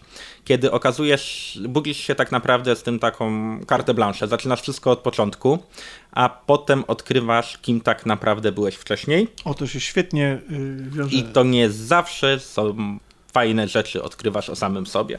Te questy poboczne, to Mhm. są questy typu przynieś, podaj, pozamiataj, czy... Bo, bo w ogóle to, co robimy w grze, to czy dużo musimy razy uruchamiać trzy generatory? Nie, nie, myślę, że ja, ja, ja wezmę mało pauzę zrobię, jeśli Dobrze. chodzi o szczegóły, tak, ta, takie szczegółowe pytania. Nie, bo, no, nie jesteśmy ja grałem- najmłodsi, pięć lat minęło, Ja grałem jasne, 5 lat temu, tak, Bilobil swoje kosztuje, więc jasne. Nie, no najczęściej są to misje, no, mimo wszystko FedExowe. Są to miejsca, misje FedExowe dobrze umiejscowione. Tak naprawdę w całej, w całej fabule, we wszystkim co się dzieje, gdyż e, rzadko zdarza ci się misja w stylu przynieść trzy patelnie, tylko ktoś, kto o coś cię prosi, ma jakąś motywację, żeby to zrobić. Yy, Jeżeli chcesz pomóc szefowej ochrony, to musisz przynieść wieżyczki, ponieważ za ścianą są, są obcy i musisz obronić to miejsce, w którym ona siedzi. Jeżeli naukowiec jest zamknięty w kortenerze, który wypadł ze stacji i orbituje, no to logiczne, że będzie chciał, żebyś mu pomógł zadokować. Więc wszystkie te takie rzeczy są raczej dość dobrze osadzone. Jeżeli będzie jakaś naukowczyni, która, która umiera, no to wiadomo, że będzie chciała, żebyś e, zdobył leki dla niej. Więc nie jest to takie.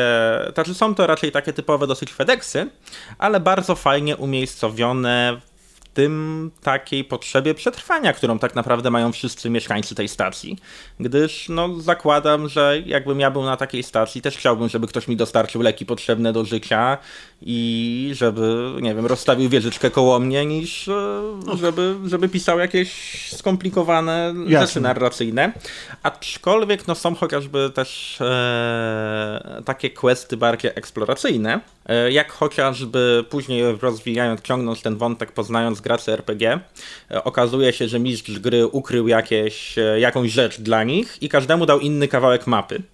I dopiero jak znajdziesz wszystkie, wszystkie cztery Samemu miejsca możesz oznaczone. ten skarb znaleźć. Tak, samemu Wow. możesz ten skarb znaleźć. Jak, odzna- jak znajdziesz cztery miejsca z tych czterech fragmentów mapy, to, to dowiesz się, opłacało gdzie się? jest. Nie wiem, bo nie zrobiłem tego, A, okej. tego, tego finalnie. Ale, to wszystkie sesje RPG się tak kończą. No, mniej więcej. Ale faktycznie Ja chyba pamiętam, co jest nagrodą, ale nie będę spoilował. są, Okej. są, są takie questy eksploracyjne. To wszystko brzmi spoko. Nie wchodząc w spoilerową y, strefę, czy spoko brzmi, czy, czy spoko by zabrzmiało w takim razie intryga jako całość? Znaczy w sensie opowieść, czy ona was usatysfakcjonowała jeszcze bez, y, bez tego zakończenia, czy ten początek jest niesamowicie intrygujący, jak powiedzieliśmy. Ten wstęp, ten prolog, gdzie odkrywa, że to jest, że to była symulacja i że tak naprawdę jesteś na stacji kosmicznej. I potem y, do, y, dzieją się różne następne tajemnicze rzeczy. Do, poznajemy Januarego, ale za chwilę poznajemy też, też e, Decembra.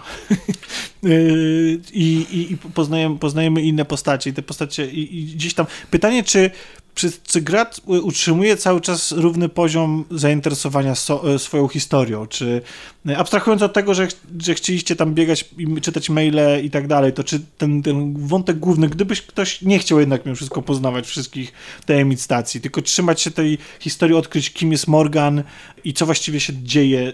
e, Znaczy tam jest dosyć wysoka stawka. Tak? No właśnie o to Więc, chodzi. E, myślę, że jest wciągające doprowadzenie tej, tej, nawet tej podstawowej historii do końca, no bo biorąc pod uwagę jaka jest stawka, tak? Ja spotkałem się z taką, dlatego pytam, bo spotkałem się z opinią, że cała historia jest przyspieszona. Ja powiem może inaczej. W sensie, że nagle w pewnym momencie się deweloperzy zorientowali, że czas już wydać grę i po prostu ścinali Znaczy ogólnie w tej grze finalny quest e, to jest taka gra, która stawia przed tobą ostatniego questa w pierwsze pół godziny gry. Kiedy poznajesz tak naprawdę Januarego, potem poznajesz, kontaktuje się z tobą twój brat e, Alex. twój brat Alex i January mówi ci na stacji są tyfony, musimy zniszczyć stację. Trzeba to jest- zdobyć klucze i wysadzić stację w powietrzu, he, w powietrze. Natomiast twój brat odzywa się i mówi, że nie możemy zniszczyć stacji, jest zbyt cenna dla nauki i, i to jest tak naprawdę quest. Prowadzenie cię po kolei do tego wyboru, którego dokonujesz na końcu, jest tak naprawdę osią całej, całej fabuły. Yy, I wszystko robimy, żeby osiągnąć tylko tę rzecz. I to, co się wszystko dzieje dookoła, to są tak naprawdę elementy, które możesz poznać lub nie. No ale ten wątek, tak jak mówię, jest dosyć, dosyć prosty, gdyż e, można go obciąć do tego jednego questa i skupić się na eksploracji. Zgadzam się. Czy, czy po pięciu latach pamiętasz cokolwiek jeszcze z fabuły? Nie no, pamiętam e, jak dużym e, rozczarowaniem dla mnie było zakończenie. Dobra, to za chwilę. Ale już tak na to nie patrzę. Okej. Tak, już trochę zmieniłem moje, mój pogląd, jeśli chodzi o zakończenie, ale tak, no myślę, myślę, że Grzesiek to dobrze podsumował. To ostatnia rzecz, zanim przejdziemy do części spoilerowej, trochę może nie po kolei, bo powinniśmy może na samym początku to powiedzieć, bo ta gra jakoś wygląda, jak wszystkie gry Arkane. Jak powiedzieliśmy, one są, można powiedzieć, że są trochę ekscentryczne. Ja bym tak to powiedział, że no, zwłaszcza Deathloop jest ekscentryczny i ekscentryczne są właściwie te światy. Są takie mm, odjechane, charakterystyczne, z, z tym enginem, który sprawia, że postacie są trochę takie duże, jakby kreskówkowe niemalże, takie bulki, takie, nie? To, to jakby mocne szczęki, du, duże te postacie w przestrzeni i tak dalej. To też tworzy pewien charakterystyczny klimat. Tutaj wydaje mi się, że akurat w przypadku, może wy macie inne zdanie, ale moim zdaniem w przypadku akurat Preya to szkodzi. To znaczy w sensie postaci ludzkie wyglądają tutaj trochę nienaturalnie i o ile w takim wystylizowanym świecie Dishonored to jest ok, o tyle w takim powiedzmy realistycznym świecie, e, w, który też próbuje być stylizowany, to, to, to już trochę mnie gryzie. Jak wam się atmosfera tej stacji, atmosfera, design, abstrahując od jakby takiego mm, elementu gameplayowego, tak rozgryw, e, pod względem rozgrywki, tak jak wam się przebywanie w tym świecie podobało, to, to na co patrzyliście,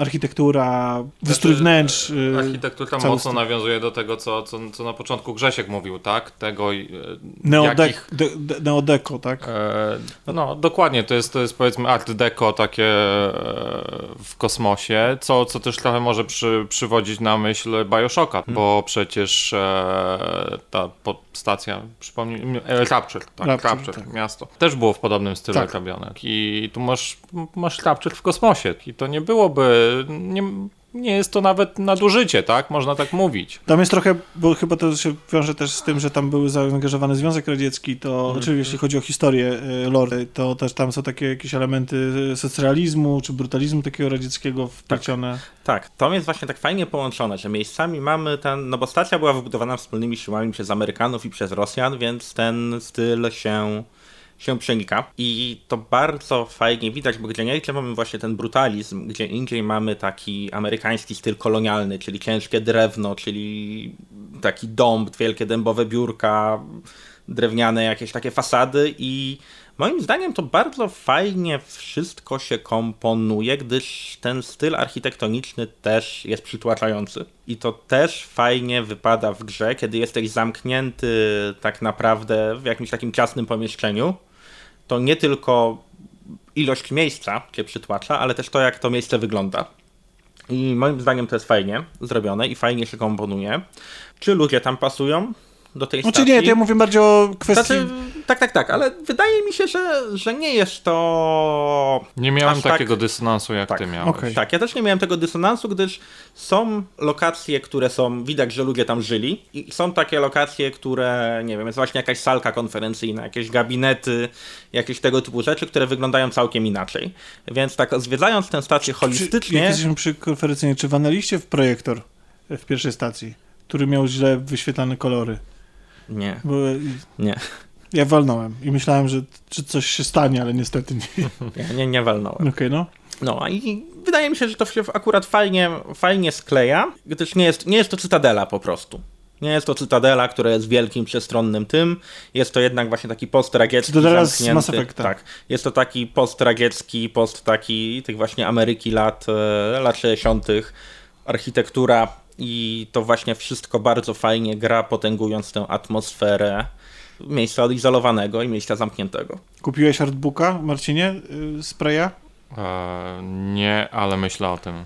Tak? Tak, tak. Jak, tak, tak dzisiaj przecież zaczęliśmy O rozmowę od tak. artbooków też, tak. I jak sobie pomyślałem, że to jest niedopatrzenie, że, że nie mam, nie mam artbooka spraya. To teraz ja, jeśli pozwolicie, zanim przejdziemy do sekcji spoilerowej, absolutnie, znaczy super się cieszę, że wam się ta gra mega podoba i jestem na siebie zły, że ona mi się nie podoba. To znaczy, mm, to jest, jest, jest gameplayowo. Te wszystkie kwestie dotyczące tego właśnie, y, że rozwój postaci wpływa na to, w jaki sposób można eksplorować i że to, to jest, ja to uwielbiam. Deus Exy są, kocham to w Deus Exach. Te elementy poszczególne na papierze, ta tajemnica, uwielbiam motyw y, zaburzenia, zaburzonych wspomnień, uwielbiam motyw szukania własnej tożsamości, uwielbiam motywy dotyczące moralności, tak? I tego, że nie wiem, my postępujemy jako staramy się być dobrzy, ale bo nie pamiętamy tego, że byliśmy na przykład źli i tak dalej, więc, y, więc ten determinizm versus wolna wola i tak dalej. To są rzeczy, które mnie niesamowicie kręcą.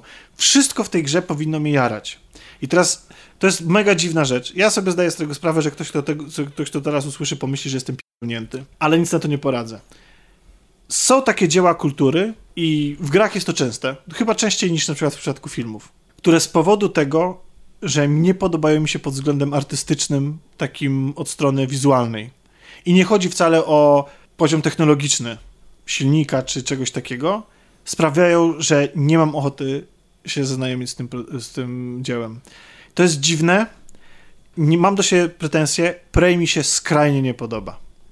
I uwielbiam Art Deco, uwielbiam Art Deco w Bioshocku, tak jak tutaj powiedziałeś, przywołałeś Marcinie, które po prostu Bioshock na każdym, gdzie nie spojrzałem, kapał zajebistością designu, klimatu i tak dalej. Coś jest takiego w e, Preju, być może brak kolorów, bo Prey jest dosyć szary i wypłowiały, mam wrażenie. Jest taki brązowawy bardzo. Jest coś, coś tam, no to wiadomo, złoto, miedź, te drewno, to wszystko takie jest brązowe, szare, ale coś jest takiego w połączeniu z tym, że ta gra technologicznie też niestety nie jest. Moim zdaniem wygląda ona gorzej niż yy, Dishonored. Jest coś takiego, że to niestety nie, nie, mnie nie ekscytuje i mam, przyznaję się do tego, nie rozumiem dlaczego tak jest. Chciałbym, żeby jak gram w gry obecnie, które w 90 roku pierwszym powstawały, czy drugim na konsole 16-bitowe, e, które wyglądają czasami, no wiecie, no są kostropate, naprawdę, albo trzy piksele na krzyż próbują się ruszać i to moja miłość na nowo odkryte do handheldów, gdzie te gry naprawdę mają dwa piksele na, e, i, i dwie klatki animacji i one potrafią mi jakby dać więcej radości, czy mnie bardziej zainteresować niż ten, ten rozbudowany i pięknie zaprojektowany świat. Bo jak ja czytam o tym, że ta stacja jest świetnie skonstruowana i że ma właśnie tyle możliwości eksploracji, że ten świat jest tak przebogaty i przemyślany pod względem bohaterów, to mnie po prostu smuci fakt, że ja nie chcę w tą grę grać. I to jest być może nasi Znaczy, ja, słuchacze... mam, ja mam wrażenie, że tobie brakuje tam przepychu wizualnego, tak? Takiego, Może, tak. tak. jak przywołałeś Rapture, ale trzeba pamiętać Że to też jest o tym, stacja. że to jest stacja Tak. kosmiczna. Nie można tam wywieźć w kosmos nie wiadomo czego, tak? Bo to kosztuje. Ale widzisz, na I przykład... to, jest, I to jest takie bardziej hard sci-fi niż takie sci-fi. e, Star, te- Star Wars.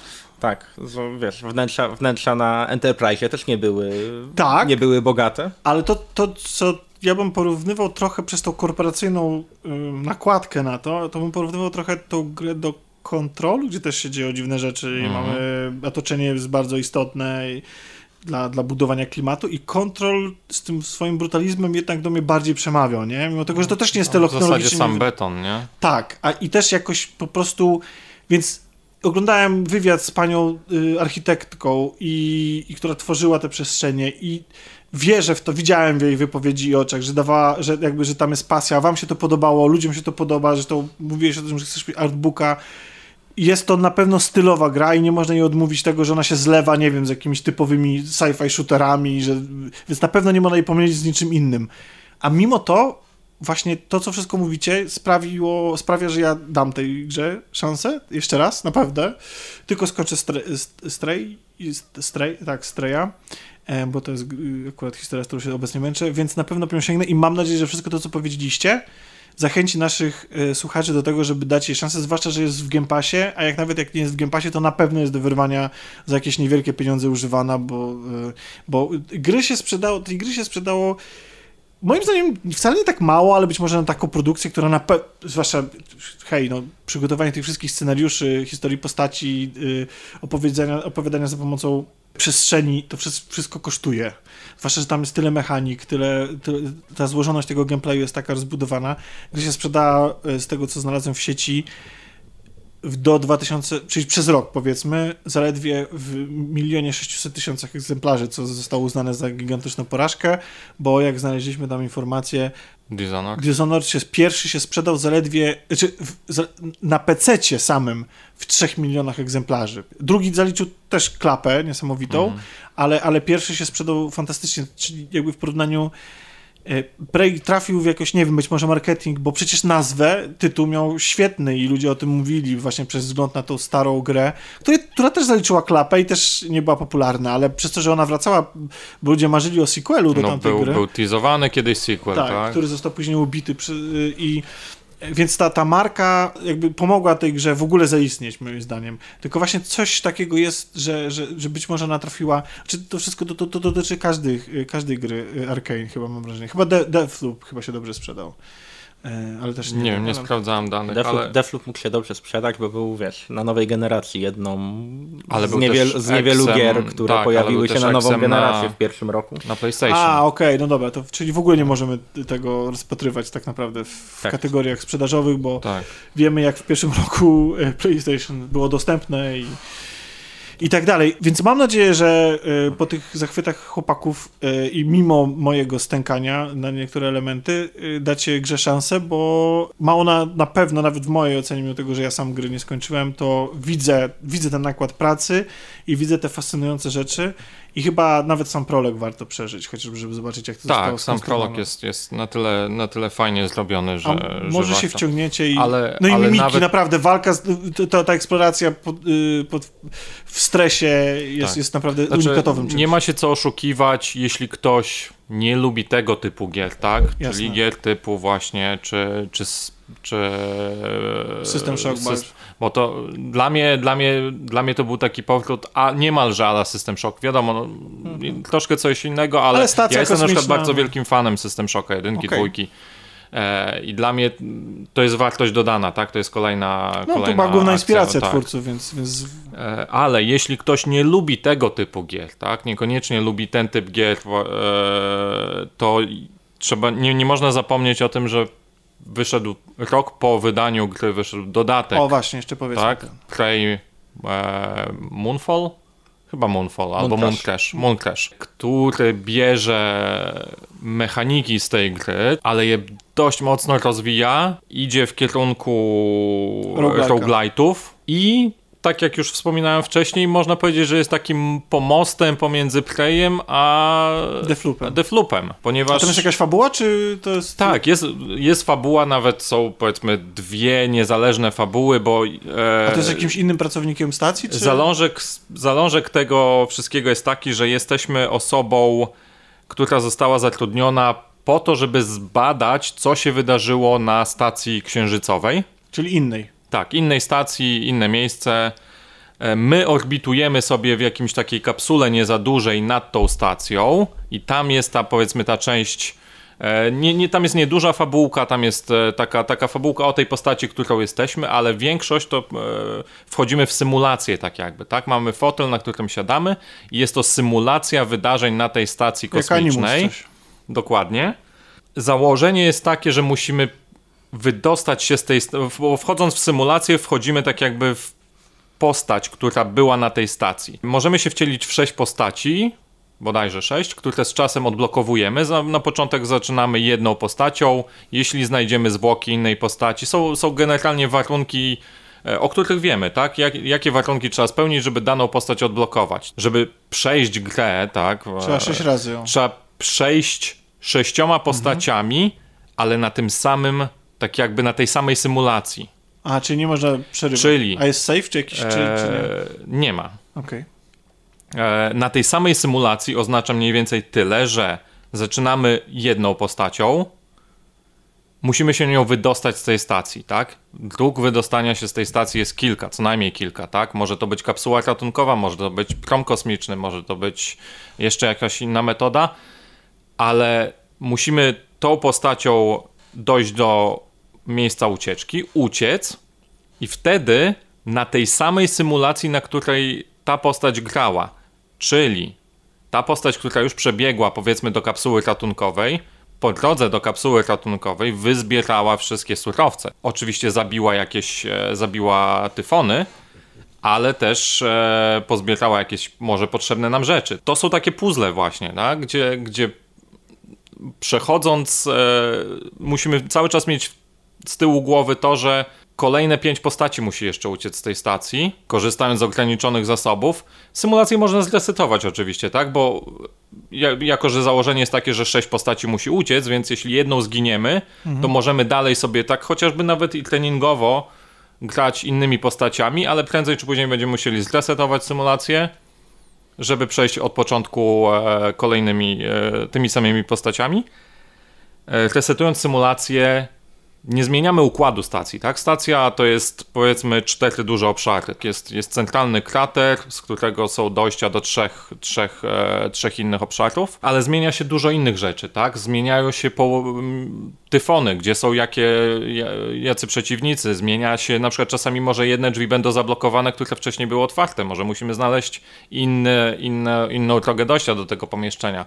Poza tym wykonując te cele, bo, bo mamy listy celi i e, one się nie resetują, tak? Więc jeśli powiedzmy raz nam się udało wykonać jakiś cel, to, to nawet resetując symulację, ten Już cel już jest wykonany.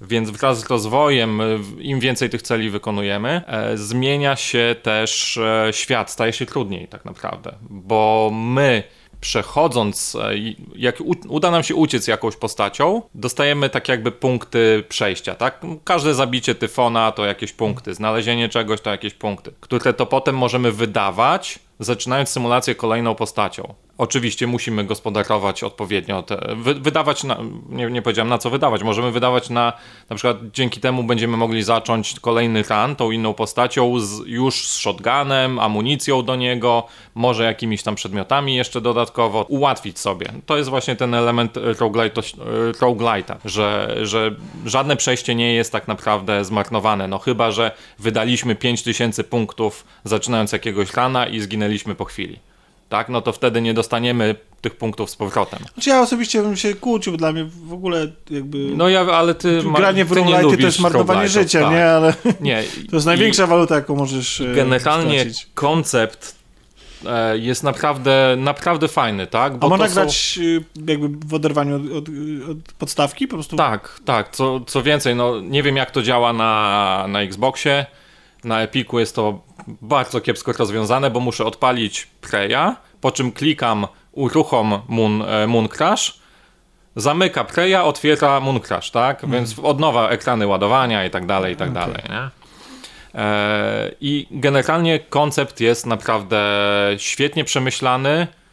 E, to, że ten świat cały czas się zmienia, to, że jest coraz trudniej, ale też my jesteśmy coraz lepsi, bo raz, że znamy, bo układ bazy, jak mówiłem, nie zmienia się, mogą się zmieniać drogi dojścia, albo będzie utrudniane nam na przykład, że wcześniej mogliśmy skorzystać z, z jakiejś kolejki między dwoma obszarami, a teraz, żeby z niej skorzystać, musimy włączyć prąd, tak? Prawdę Czy... mówiąc, to brzmi ciekawiej niż Deathloop dla mnie.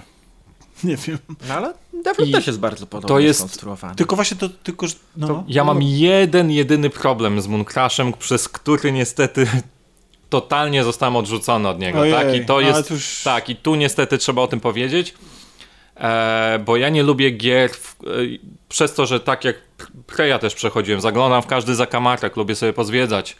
Tutaj mamy e, czas. Czas. Ojej. Tak mamy bodajże 5 czy 6 poziomów e, zepsucia tej symulacji. Ta symulacja się po prostu degraduje z czasem. I w tym czasie, jeśli dojdziemy do końca, a, te, a, ten czas jest współdzielony między te sześć postaci, mhm. tak? Jeśli dojdziemy do końca, no to niestety symulacja się wysypie i trzeba zacząć od nowa. A co, wie, a co gorsza, im większy poziom spaczenia symulacji, tym trudniejszych przeciwników mamy. Okej. Okay. Tym więcej jest przeciwników, trudniejsi są, także nawet jeśli przeszliśmy przez jeden obszar, oczyściliśmy go sobie, poszliśmy, pojechaliśmy do innego, w międzyczasie poziom symu spaczenia symulacji podskoczył nam o dwa poziomy, wracamy, tam są już dużo trudniejsi przeciwnicy do pokonania. No co ci tak? mogę powiedzieć, no git good po prostu Marcinie. Nie, no mam po prostu dużo innych gier, mogę przejść do innej, nie? Okay. E, nie, generalnie koncept jest świetny, świetnie jest to pomyślane, ale niestety mnie ta cała czasowość odrzuciła, tak? Jasne. Bo, bo ja nie lubię, jak mnie ktoś pogania. Ja też tego nie lubię, ale zaskakująco dużo gier, które lubię, posiada takie segmenty i jakoś po prostu trzeba zagryzać zęby i się starać. Nie tak, tylko to chodzi o to, że ja musiałbym zupełnie zmienić sposób, jasne, w jaki ja bo to jest w ogóle cała gra, ja nie to nie jest jakiś segment, w ten tylko... sposób, w jaki jasne, ja lubię grać, jasne. Bo, bo tu chodzi wszystko o to, na to polega, że musisz, ok, jak już znasz układ bazy, wiesz co gdzie jest, wiesz, wiesz co mniej więcej gdzie jest, mm. to wtedy zaczynasz te puzzle, żeby kombinować, ok, jeśli tą postacią ucieknę wahadłowcem, tymi dwiema ucieknę kapsułami ratunkowymi, tamtymi trzema coś.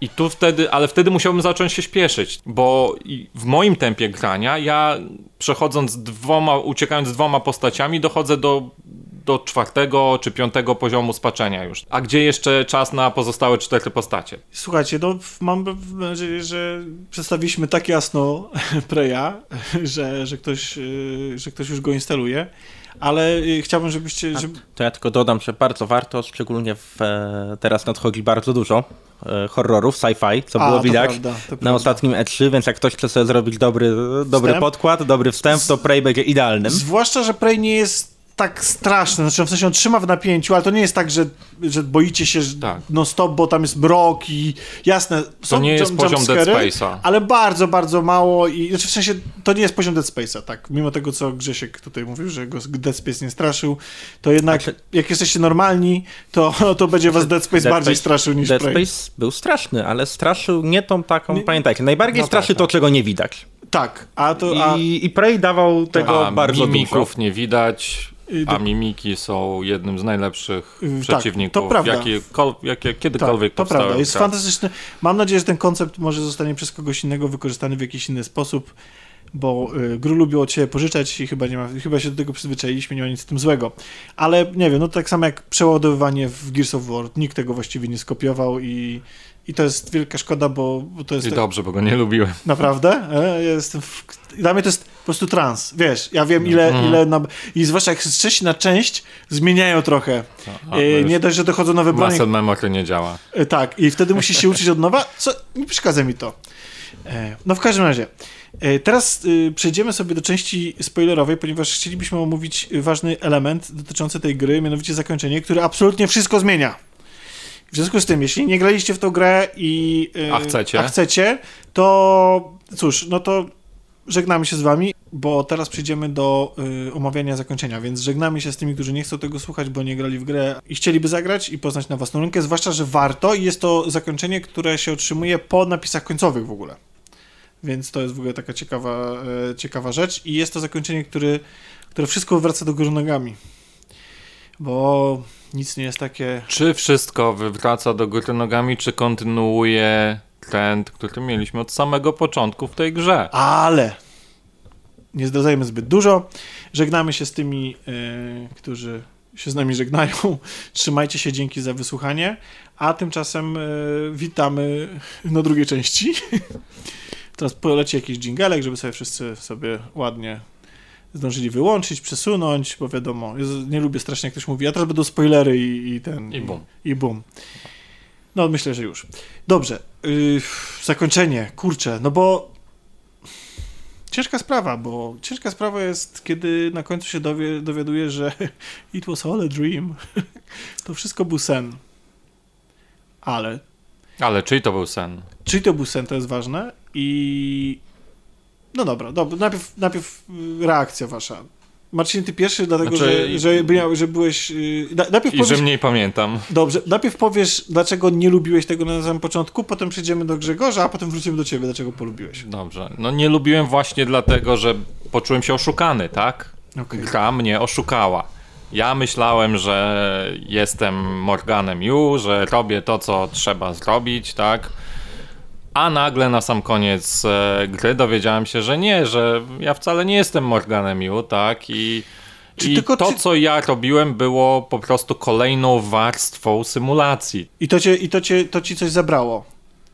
Tak, tak. Trochę, Ważność tych przeżyć? Chyba tak, bo, bo okazało się, że ta stawka, o którą walczyłem, nie jest tą stawką. W sensie to wszystko, o co ja walczyłem, jest, nie jest tym, tym ale, ale właśnie o to chodzi, że z czasem, do czego może wrócimy, to jednak ta, ta inna stawka też nie jest taka zła, tak? To, to, co, to, co się później okazuje, że czym to tak naprawdę było. Grzegorzu? Znaczy ja może powiem trzy słowa, co tam w ogóle się wydarzyło, jakby, jakby ktoś Do, tak do, do prowadzącego, tak? bez, bez, bez grania gry. Dopiero jakby, zaczynamy ze spoilerami. Jak, jakby ktoś chciał, e, kto nie grał w grę, wysłuchać tylko spoilerów. E, ogólnie okazuje, na końcu okazuje się to, że cała gra, całe wszystkie przeżycia, które, które Morgan, wszystkie wydarzenia, w których Morgan brał udział na stacji, było symulacją. Morgan tak naprawdę nie jest nawet człowiekiem, jest e, jednym z e, tyfonów, a cała symulacja była eksperymentem starszego brata Morgana, czyli, Alexa. Alexa Yu, który chciał stworzyć tak naprawdę no, taką trochę hybrydę pomiędzy człowiekiem i tyfonem poprzez zaszczepienie wspomnień swojego brata właśnie, właśnie w jednym z tyfonów. I nauczenie go ludzkich odruchów, bo, bo to jest ważne, Tak. że ta obca rasa po prostu jest agresywna z natury, ona po prostu Tak? działa tak nie dlatego, żeby świadomie zbudować, zniszczyć jakąś cywilizację, tylko po prostu no, instynktownie jak zwierzak. Tak, i jeszcze, I tu chodziło... jeszcze czy... tylko dodam właśnie, że poza, kiedy tak naprawdę budzimy się z tej symulacji, poza Aleksem, czyli poza bratem, bratem tego e, udawanego głównego bohatera, w pomieszczeniu z nami znajdują się czterej operatorzy, czyli takie tam roboty obsługujące tę stację i każdy z nich tak naprawdę jest... e, Świadomością? Świadomością, chciałem powiedzieć personifikacją, ale to jest raczej w drugą stronę, No nie tak. wiem jaka jest Ro- odwrotność Ro robotoizacją. robotoizacją jedną, jednej e, z osób, które wcześniej Morgan w czasie symulacji poznawał na stacji i która podstawiła przed nami wybór, że możemy jej pomóc albo nie. Okej. I tam pojawiają się cztery roboty i każdy ocenia jak... e, Czyli January to... I... Januarego tam nie było okej. akurat, gdyż January był tak naprawdę operatorem, który został przez Morgana przygotowany, żeby go prowadzić w jedną stronę. Ale tam właśnie jedna naukowczyni, jeden naukowiec, właśnie szefowa ochrony i nie pamiętam już kto był tym czwartym robotem, ale ta czwórka, który, przed którą zostaliśmy postawieni przed wyborem, takim właśnie moralnym, czy pomagać, czy nie, na końcu nas ocenia na podstawie tego, co A czy pomoc im na przykład mogłaby oznaczać, czyli taki przewrotne, że pomagasz im, bo chcesz im pomóc, ale w rzeczywistości ten wybór nie powinien być, raczej, że nie chcesz im pomóc, ponieważ oni na przykład niemoralnie postępują? Czy na przykład, czy, czy tylko i wyłącznie, bo to by, to by, yy, mm, to by czyniło to ten, ten aspekt bardziej atrakcyjnym, tak? W sensie te wybory, które mamy do, do, do dokonania, czy, czy jeden z nich chociaż jest jakiś przewrotny? Y, Raczej nie, niestety. Okej. Raczej jest to, no tak jak mówiłem, taki typowe przetestowanie twojego ludzkiego odruchu. Okej. No i właśnie, teraz pytanie, czy to działa w przypadku, w którym, w którym gracz, jak powiedział tutaj y, Marcin, z zasady wybiera pomoc, bo nie chce tracić jakiejś części gry i po prostu, no... Ja akurat pomagam, ponieważ jestem empatyczną osobą i po prostu wierzę w postacie na ekranie. y, Jak w każdej. Znaczy, jeżeli, jeżeli, jeżeli historia jest dobrze opowiedziana, tak? Y, Ale nie, no wiadomo, no, wiadomo też, że podejmuję pewne decyzje cynicznie pod względem tego, czy coś mi się opłaca na przykład, bo chciałbym właśnie coś zobaczyć. I na przykład, i na przykład często mam taki. Doceniam gry, które jasno mi nie komunikują, czy wybór jest dobry czy zły.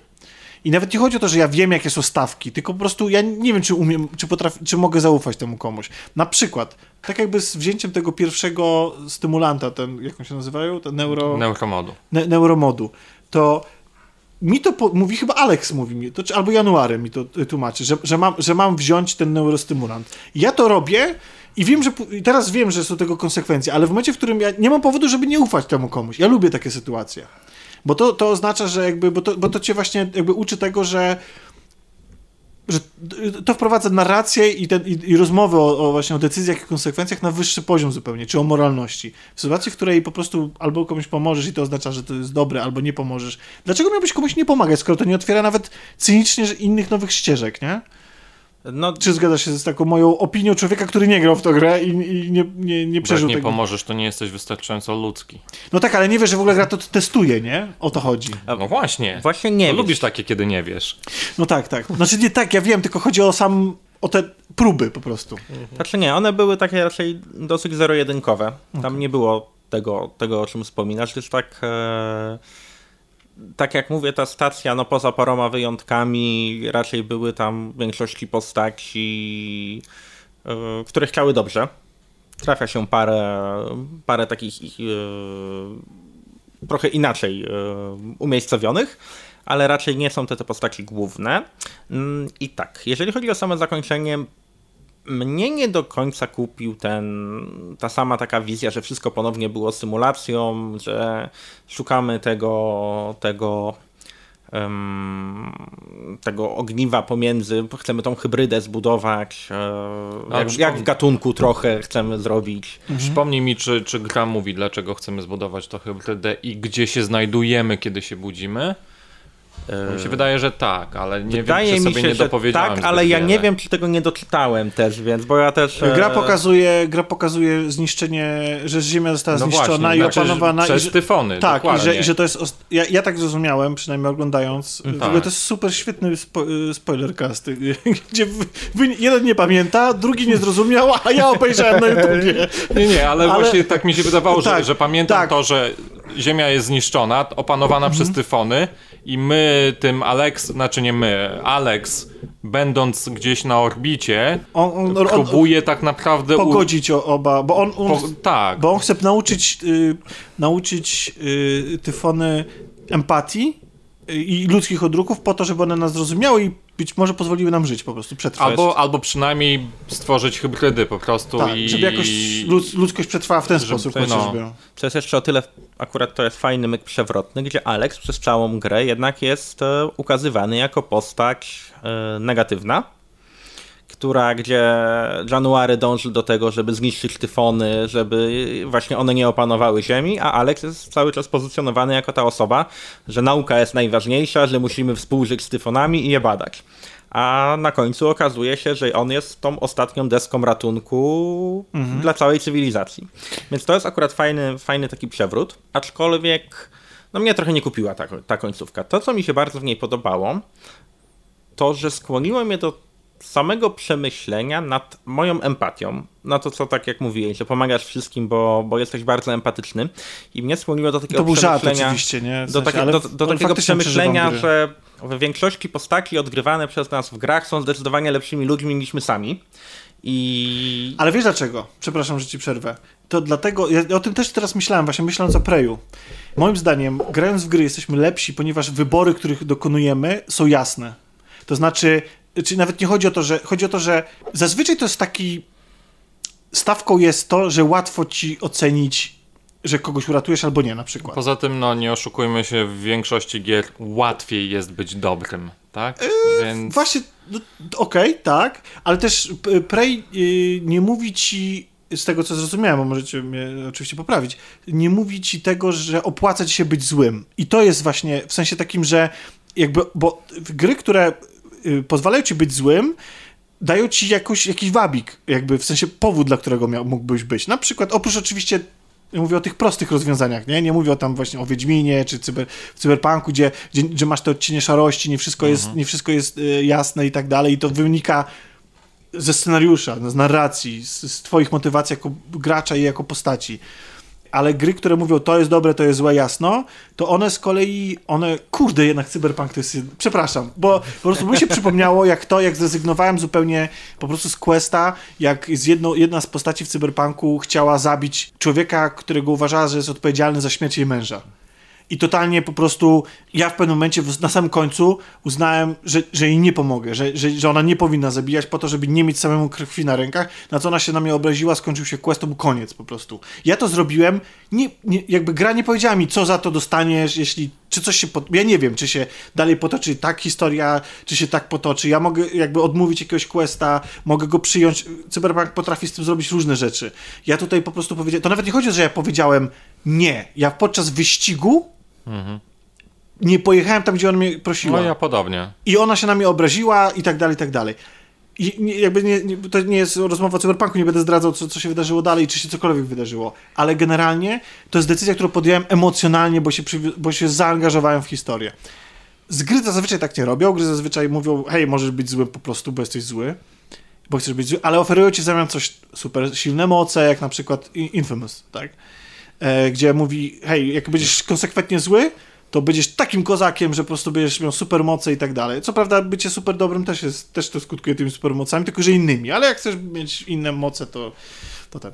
A w, czy w Preju coś takiego jest? Czy w Preju, jakby, to właśnie, i czy to nie jest trochę porażka w związku z tej, tej narracji, tej próby rozmowy o, o moralności w przypadku człowieka oraz, i teraz drugie pytanie, skoro mimiki nie są złe, bo to jest ich natura, to znaczy w sensie, że zabijają, ponieważ to jest ins- instynkt, to czy w ogóle stawianie jej przed, i stawianie ich przed moralnymi wyborami jaki, ma jakikolwiek sens? Bo wtedy może gra powinna raczej stawiać na ich instynkt, to znaczy w sensie, żeby ona na przykład, że na przykład jesteś uczony zabijania i że wiesz, że przetrwasz tylko i wyłącznie kiedy zabijasz i wtedy dopiero cię wystawiać na próbę, czyli jakby uczenia tego, że jakby, jakby, jakby postawienie przed tobą propozycji niezabijania, żeby przetrwać. Czy to nie byłoby w tym wypadku ciekawsze? To jest moje pytanie do was. Nie wiem, czy nie byłoby trudno coś takiego gameplayowo poka- przekazać, tak? A tak w domyśle nie wiemy, czy Alex nie przeprowadzał takich symulacji, tak? Możemy Okej. sobie, wiesz, bo, bo wiemy, że to nie jest pierwsza iteracja. Ta, No tak, ta tak. Nasze, to, to, to, to nasze przejście to nie jest pierwsza próba. Tych prób było wiele, tego się dowiadujemy, że ich było wiele. Więc e, myślę, że to, o czym ty mówisz, niestety nie dałoby się tego dobrze, dobrze pokazać chyba. No dobrze, a to pierwsze pytanie? Tak, ja nie nazwałbym tego porażką. No, cyberpunk, jeśli chodzi o narrację, no stoi kilka poziomów cały czas. E, Mało jest gier, które jest w stanie zrobić, e, zrobić to tak dobrze. Nawet nie wiem, w, No, posłu- posługuje się też trochę innymi narzędziami. Tak. Tak, trochę innymi narzędziami, no ale mało jest tak naprawdę mm, takich gier. Więc nie nazwałbym tego, tego porażką. No Cyberpunk moim zdaniem jako grę na poziomie narracji no, wykraczał zdecydowanie ponad to, co oferują Ja tylko, e, gry. ja tylko chciałem zaznaczyć przed tymi, którzy już się wkurzyli, bo że porównujemy Prey do Cyberpunka. Nie porównujemy gatunków, porównujemy sposób radzenia sobie z o, opowieścią o moralności. O, może w ten sposób. Tak, a Prey miał, miał pewien pomysł, miał pewien zamysł, e, nie dawał graczowi aż takiej właśnie olbrzymiej e, dowolności w kreowaniu tej historii, w kreowaniu bycia dobrym, złym. On raczej chciał pokazać nam pewne mechanizmy, niż samemu je kształtować, niż samemu na nie wpływać. I ten decyzyjno, decyzyjność gracza też była na całkiem innym poziomie, gdyż no, był to wybór dobro-zło versus wybór lewo-prawo. Bo można wtedy mimika jakby zrównać z graczem w e, takiej metanarracji, nie? W sensie takim, no bo skoro to jest symulacja, wszystko jest udawane i właściwie trak traktowanie tych ludzi, tych postaci... Mo może gdyby na przykład gracz był świadomy, że jest to symulacja od samego początku albo na jakimś etapie. Może, może wtedy zbadanie jego, gracz, czyli mimik, czyli mimik wie, że jest oszukiwany. I teraz mimiku jak ty potraktujesz te postacie, co też kwestia jest tego, czy, czy w sensie to rodzi z kolei taką inspirację do zadania sobie pytania, czy e, empatia może być udawana. Bo na przykład, czy, czy- no bo pytanie, czy na przykład, czy naprawdę czuliście empatię do tych postaci, które ratowaliście, czy podejmowaliście te wybory tylko dlatego, że jak gracie w grę, to, to jesteście dobrzy. Ja uważam, że ta empatia miała miejsce, szczególnie, że tak jak mówię, no jak czytasz te maile, poznajesz te postaci yy, i widzisz, że twoją postać z niektórymi z nimi coś łączyło. Są takie wybory, kiedy, kiedy jedna z postaci, o której kompletnie nic nie wiesz, stawia cię przed takim wyborem, no i to wtedy w tym momencie jest to, jest to tak naprawdę chłodna kalkulacja, co zrobisz, czy, czy tak, czy nie, taka ge, gamizmowa kalkulacja. No ale są też jakieś postacie, z którymi jesteś w stanie poznać wcześniej swoją historię, albo które e, same się z tobą komunikują i, i też z nimi rozmawiasz. Więc jesteś w stanie wtedy zbudować jakąś, jakąś swoją wizję tego świata i gdzieś tam z siebie tę empatię, że tej postaci chcesz pomóc. Jak chociażby był nawet nie z tych głównych wątków takich empatycznych, ale był bardzo długo budowany wątek e, romansu między tam szefową IT i drugą dziewczyną na, na stacji i w pewnym momencie ta szefowa IT prosi cię, żebyś kogoś zabił i w tym momencie też możesz podjąć decyzję A lub B, która jest chyba najmniej jasną, czy jest dobra, czy zła, gdyż, e, gdyż właśnie ta osoba, o którą prosi cię, żebyś zabił, szefowa IT prosi cię, żebyś zabił po prostu osobę, która wcześniej e, przyczyniła się do śmierci jej dziewczyny. Taka zemsta. Taka zemsta, tak. I to też jest, nie jest to co prawda, co prawda tym głównym wyborem, no ale takie miejsca też gdzieś tam się pojawiają. Okej. No ale nie jest to tak naprawdę główna oś tej gry, więc gdzie nie, gdzie mogłoby to być trochę ciekawiej rozwiązane, gdyby, gdyby była ta samoświadomość. Tylko wtedy pytanie, czy byłaby to faktyczna empatia, czy taka chłodna kalkulacja, jak też prowadzić grę. I wiesz, kiedy, kiedy wiesz, że grasz w grę w grze, po prostu grasz, grasz, grasz w grę, a nie starasz się, że tak powiem, wcielić w Tak, postać. ale jest jeden przypadek, o którym tutaj już wspominaliśmy już dzisiaj, który świadomie ci mówi, że nie przeżywasz w, w, re, realistycznych rzeczy, a jednocześnie potrafi zaangażować. To jest seria Assassin's Creed. To jest seria, która od początku ś- mówi ci wprost, to co przeżywasz, postacie, z którymi wchodzisz w interakcję, są nieprawdziwe.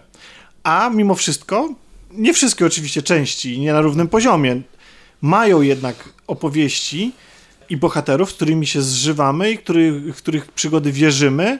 I de facto w tym momencie ten mimik to jest dosłownie gracz, który my jako gracz, gdzie po prostu odpalamy sztuczne twory, ale napisane w taki sposób, które nas pochłaniają i traktujemy te wygenerowane piksele na ekranie jak ludzi. Ja na przykład grając w skradanki nie zabijam. Nie dlatego, że jest to dla mnie wyzwanie większe, tylko dlatego, że po prostu nie chcę zabijać. W sensie to nie jest. Yy, w ogóle mam ostatnio problem z yy, grami, w których yy, tak po prostu zabijam, nie? W sensie, że to nie są potwory, czy tak, jakieś demony i tak dalej. Ale, ale, ale chodzi o to, że, że jakby no wybieram, wy, wy, wybieram to, to przejście, dlatego że. Bo tak, a przecież co A- obchodzą ludzie, a w czy w sensie w Last- cyfrowe, tak? A w Last of Us 2 też? Y, y, no po tym jak się zorientowałem, że w The Last of Us 2 darowanie życia niczym nie skutkuje, bo te, te ci, którzy, którym darowaliśmy życie tak się na nas ostatecznie rzucają, no to już nie miałem wyboru, ta gra na tym polega. Że Ale ta, nie że- miałeś tak w pewnym momencie, kiedy, kiedy były szczególnie. Bo Last of Us 2 świetnie steruje Marcin emocjami. jeszcze, Marcin jeszcze nie skończył właśnie gra, więc nie zdradzałem zbyt dużo. Okej, no ale w pewnym momencie, kiedy faktycznie te emocje, kiedy y, zapędzimy się w ten motyw Mhm, zemsty, tak. kiedy naprawdę pewne moje wybory sprawiały jakieś satysfakcję, mimo że były to wybory, no jednak, e, Złe? żeby kogoś uśmiercić, żeby Wiesz kogoś... co, y, nie, znaczy w sensie z The Last of Us 2 jest, ja myślę, że ludzie mają spory problem i to jest też odpowiedź na pytanie, na, które wcześniej mi zadałeś, na które nie odpowiedziałem w pełni. The Last of Us 2 w pewnym momencie nie chcesz grać w tą grę. E, Nie dlatego, że się, że się nudzisz, czy jesteś zmęczony, tylko to też, ale to z innych powodów i kiedy indziej. Tylko chodzi o to, że nie zgadzasz się. Zapowiedz, że będzie wątek spoilerowy o Last. Nie, nie, Nie, nie, będzie, nie będzie, bo ja jestem dwie godziny Nie, nie, nie będzie, nie, nie. Nie, nie, nie. A, Chodzi o to, że w pewnym momencie nie zgadzasz się z decyzjami podejmowanymi przez bohaterów. Do tego stopnia, że jednych ludzi to odrzuca, a moim zdaniem jakby ich zachowanie jest w pełni naturalne, to znaczy w sensie nie chodzi o to, że, bo, bo my oceniamy to zachowanie z punktu widzenia odbiorcy treści. Nie z punktu widzenia kogoś, kto faktycznie przeżywa te emocje. I to jest moja odpowiedź na twoje pytanie wcześniejsze. Dlaczego w grach w, y, dlaczego w grach jesteśmy, y, wybieramy zwykle tych dobrych i że to jest łatwiejsze niż w życiu? Ponieważ to nadal mimo wszystko jest ta warstwa oddzielająca, ten ekran, który nas oddziela i to są wybory, które są dosyć jasne, w sensie takim, że wiemy, że chcemy kogoś uratować i że walczymy o czyjeś życie. W życiu nic nie jest proste. I jakby nawet jeśli chcemy być moralnie wyżsi i wypowiadamy pewne sądy i wiemy, co jest słuszne, to ostateczne naciśnięcie przycisku spustu, pod, złożenie podpisu czy cokolwiek wymaga jednak dużo większej odwagi niż w dziele kultury, bo niesie ze sobą prawdziwe konsekwencje. Co widać, ja absolutnie nie usprawiedliwiam, y, ale widać to, y, sorry za, znaczy w sensie, no jakby istniejemy w rzeczywistości, oprócz gier i rozrywki cały czas istniejemy w rzeczywistości, w której y, na Ukrainie toczy się brutalna, bestialska wojna, w której ja, jasne jest, że jedna strona jest, jest winna, jest atakująca i jest no ciężko na- nazwać jej, jej, jej zachowanie lu- ludzkimi.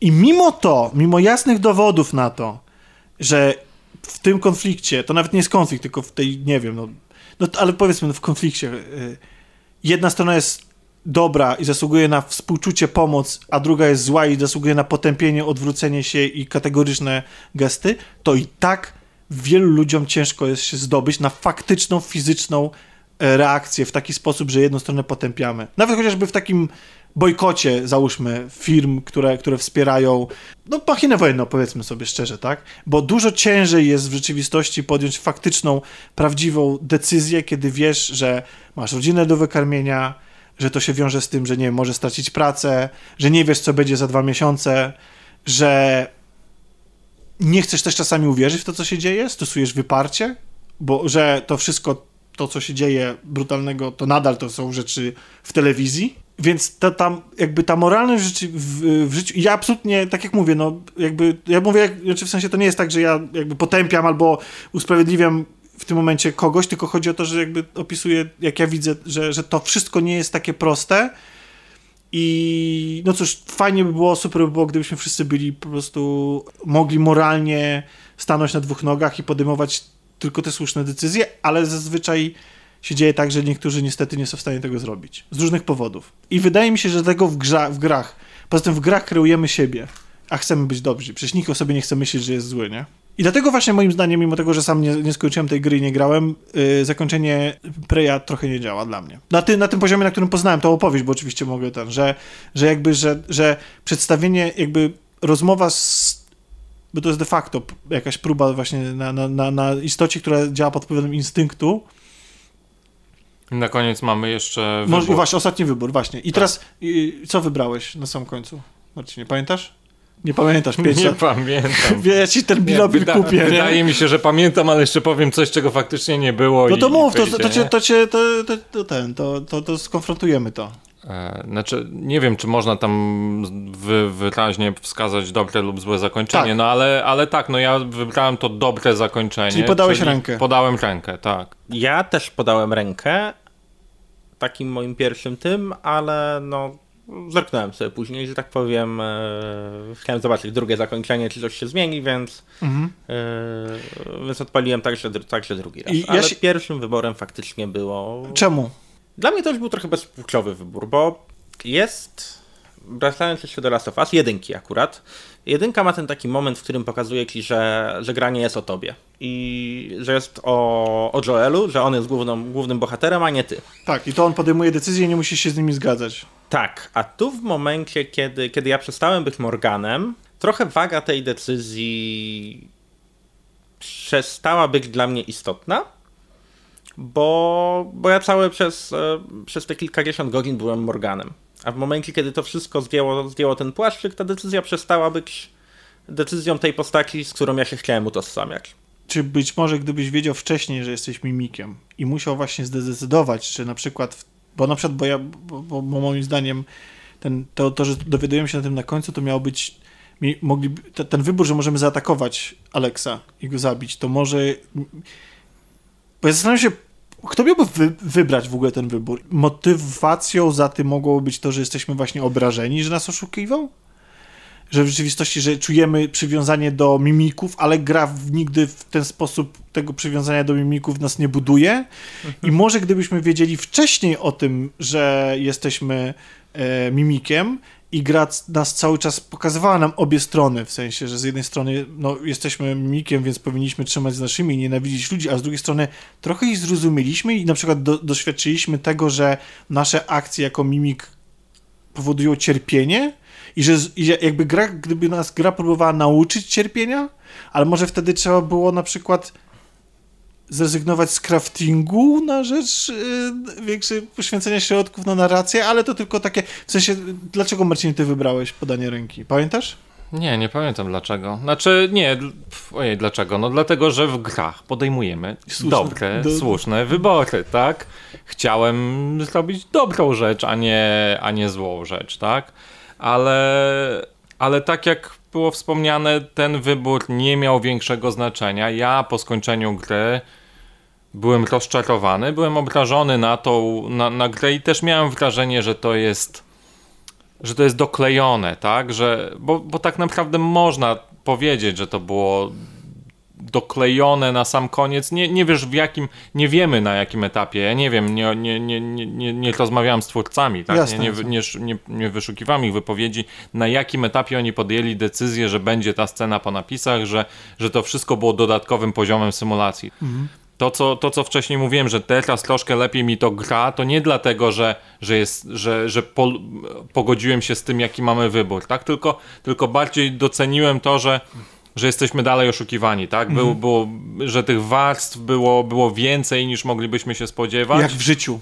Im Tak. starszy człowiek, tym bardziej Docenia bycie oszukiwanym. To jest ciekawe, to jest ciekawe, czy, czy ignorancja i życie w nieświadomości, Pigułki, które oszukują percepcję. dokładnie, że tak powiem, dzisiaj y, Grzesiek przyszedł w koszulce Matrixa, która totalnie jest filmem przecież o tym, że żyjemy w symulacji. Taki spoiler miał być. W sensie taki y, wink wink. Foreshadowing, tak. Foreshadowing. Taki foreshadowing. Że no przecież, który właśnie dopiero się zorientowałem. Przysięgam, wcześniej pochwaliłem, ale dopiero się zorientowałem przecież w koszulce, y, y, k- w którego bohater... y, No, nieplanowane, nie, nie, nie, było, nie było to zaplanowane. Ale to idealnie się Ale złożyło. zagrało świetnie. Tak, że, A- ży, że żyje w symulacji, no. A jeszcze tylko dodam, jeśli chodzi o to samo zakończenie Preya, że chyba bardziej by mi się podobało, jakby tego wyboru ostatniego nie było, tylko jakby zakończenie było determinowane przez to, jak graliśmy wcześniej. Bardziej bym to kupił. Czyli jak zabijamy, to... Jak, zabi- jak nie ratujemy ludzi, to na końcu zabijamy Alexa, gdyż tej empatii się nie nauczyliśmy. A Okej. A tam nie ma tak, że jeśli zabiliśmy więcej niż x postaci, to nie mamy tego dobrego wyboru, bo wydaje mi się, że tak jest. No, ale, ale- nie mam, nie mam stuprocentowej pewności, Trzeba by nie? sprawdzić, trzeba by to sprawdzić, Że, ale, no. ale, ale gdzieś tam, gdyż ja wybrałem to, też również byłem dobrą osobą. No, ty miałeś ten wybór, bo wszystkich Miałem- uratowałeś, miałem- miałem ale, wybór, ale, ale nie wiem, czy to nie jest tak, że jeśli się zabiło więcej niż tam jedną czy dwie postacie, to czy Mówisz nie mamy NPC-ach. takiej A, opcji. No tylko pytanie, Tak. czy w ogóle sens zabijać tych postaci? Co się zabijać? No nie, nie, nie pomagać im, nie ratować. Albo ich można też w ogóle zabić. W sensie widziałem Można zabić samemu, a Tak. można nie pomóc, przez co zginął na przykład, tak. i zostawić ich na stacji. Co właściwie też, jeżeli nie wiemy, kto jest prawdziwy, a kto jest mimikiem i że oni potrafią też udawać ludzi, no bo to, to, bo to też wiemy, to... A nie wiem, czy oni mogą udawać No a ludzi. ten, a ten e, udający szefa stacji, taki e, grubszy koleś. Nie, mimiki nie, Nie, oni ten. mogli kontrolować ludzi, okej. ale udawać nie. Ale, ale nie mogą się wcie... wiesz, Mhm. mogą być tylko przedmiotami nieożywionymi, Okej, tak? okej. To super, to po prostu to był fantastyczny, chyba specjal, bo właściwie gadaliśmy tylko o Preju, a to tym razem się świetnie gadało, y, chociaż je- jeden nie grał, drugi nie pamięta. e, więc właściwie wszystko było na barkach Grześka. Miło było wam powiedzieć, co i jak ja, tak jak mówię, jestem zachwycony. Preje, mogę o nim mówić. E... O, wiecie co? Wy- podobały mi się y, audiologii, to znaczy w sensie one były naprawdę fajne. Ja nie przepadam za audiologami, a, a te A były... wiesz, co mi się podobało? No. Windy. Windy w tej grze to jest jedne, jedne z najlepszych wind też w grach. Dlaczego? Bo nie musisz się zastanawiać, gdzie się otworzą drzwi. To, czego ja nie lubię w grach, Ale wiesz, że to jest... to jest, kiedy ale- jadę ale- do góry i się zastanawiam, czy mi za plecami się nie, wiesz, otworzą drzwi i nie pojawi się przeciwnik, tak? Ale, ale to Tu wiesz, że to jest specjalnie... ustawia i nie musisz się Ale, zastanawiać. ale to wiesz, że y, wiesz, znaczy, mi się wydaje, że chyba wiem, dlaczego tak jest, ponieważ oni mieli ogromny problem z, y, z windami i winda, dlatego w windzie nie masz, nie używasz broni, nie możesz nic robić, ponieważ oni tam mieli jakiś technologiczny problem. I jest oczywiście walka w windzie obowiązkowa, jest jakiś, jakiś element zasadzki, gdzie jest zasadzka i o, widziałem, widziałem w dokumencie, chyba to właśnie na Noclipie to było, w dokumencie Noclipa, gdzie oni mówią, że e, musieli, tam jest, mryga światło i na, i na, na chwilę się robi ciemno i w tym momencie oni zastępują to windę zupełnie inną windą, którą robili 8 miesięcy Aha. i ona jest tylko na tą jedną walkę e, i tam już możesz używać broni, po czym po tej walce znowu mryga światło, robi się ciemno i oni z powrotem wracają do, do normalnej windy, gdzie już nie możesz używać broni i, i tego, i, i nic robić, ponieważ jak cokolwiek robiłeś, to się gra wysypywała i engine nie dawał rady, jeżeli tam na przykład strzelałeś klejem, a i, o, i po prostu gra nie potrafiła obliczyć tego, że, No tak, że że strzelasz ten klejem klej leci, i, i on tak? leci, i on leci dalej, O. nie? Więc e, no gry to są niesamowite, skomplikowane rzeczy, jestem pełen podziwu, nawet jeśli gra ma pełno błędów i, i to dla mnie jakby ja w życiu napisałem tylko jedną grę na, w Basicu, to jest y, była gra y, Orzeł czy Reszka i mecha, jakby sam kod mechaniki tak był ściągnięty z Byteka. Przepisałeś z bajtka, tak, tak. tak, więc jakby nie, nie będę się sobie do tego przypisywał, ale całą oprawę zrobiłem i tam stopniowanie tego i tak dalej. Więc to było, no ale tak czy siak, no dla mnie to jest pełen szacun. Dziękuję wam chłopcy.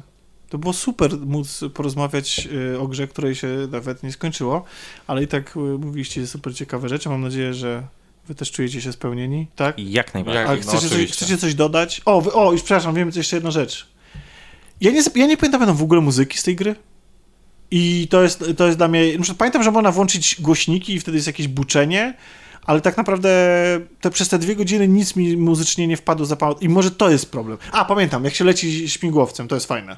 W sensie na samym początku, jak jest prolog, to wtedy jest ta muzyczka, takie intro i to wszystko jest tam, widzimy tam napisy na budynkach, e, e, tytuły i tak dalej. To jest, to jest spoko, natomiast, natomiast właściwie tak jak Bioshock jest niesamowicie udźwiękowy, jakby tam nie da się zapomnieć dźwięków. One są w ogóle tak głośne i dosadne, że, że ci walą po, po uszach.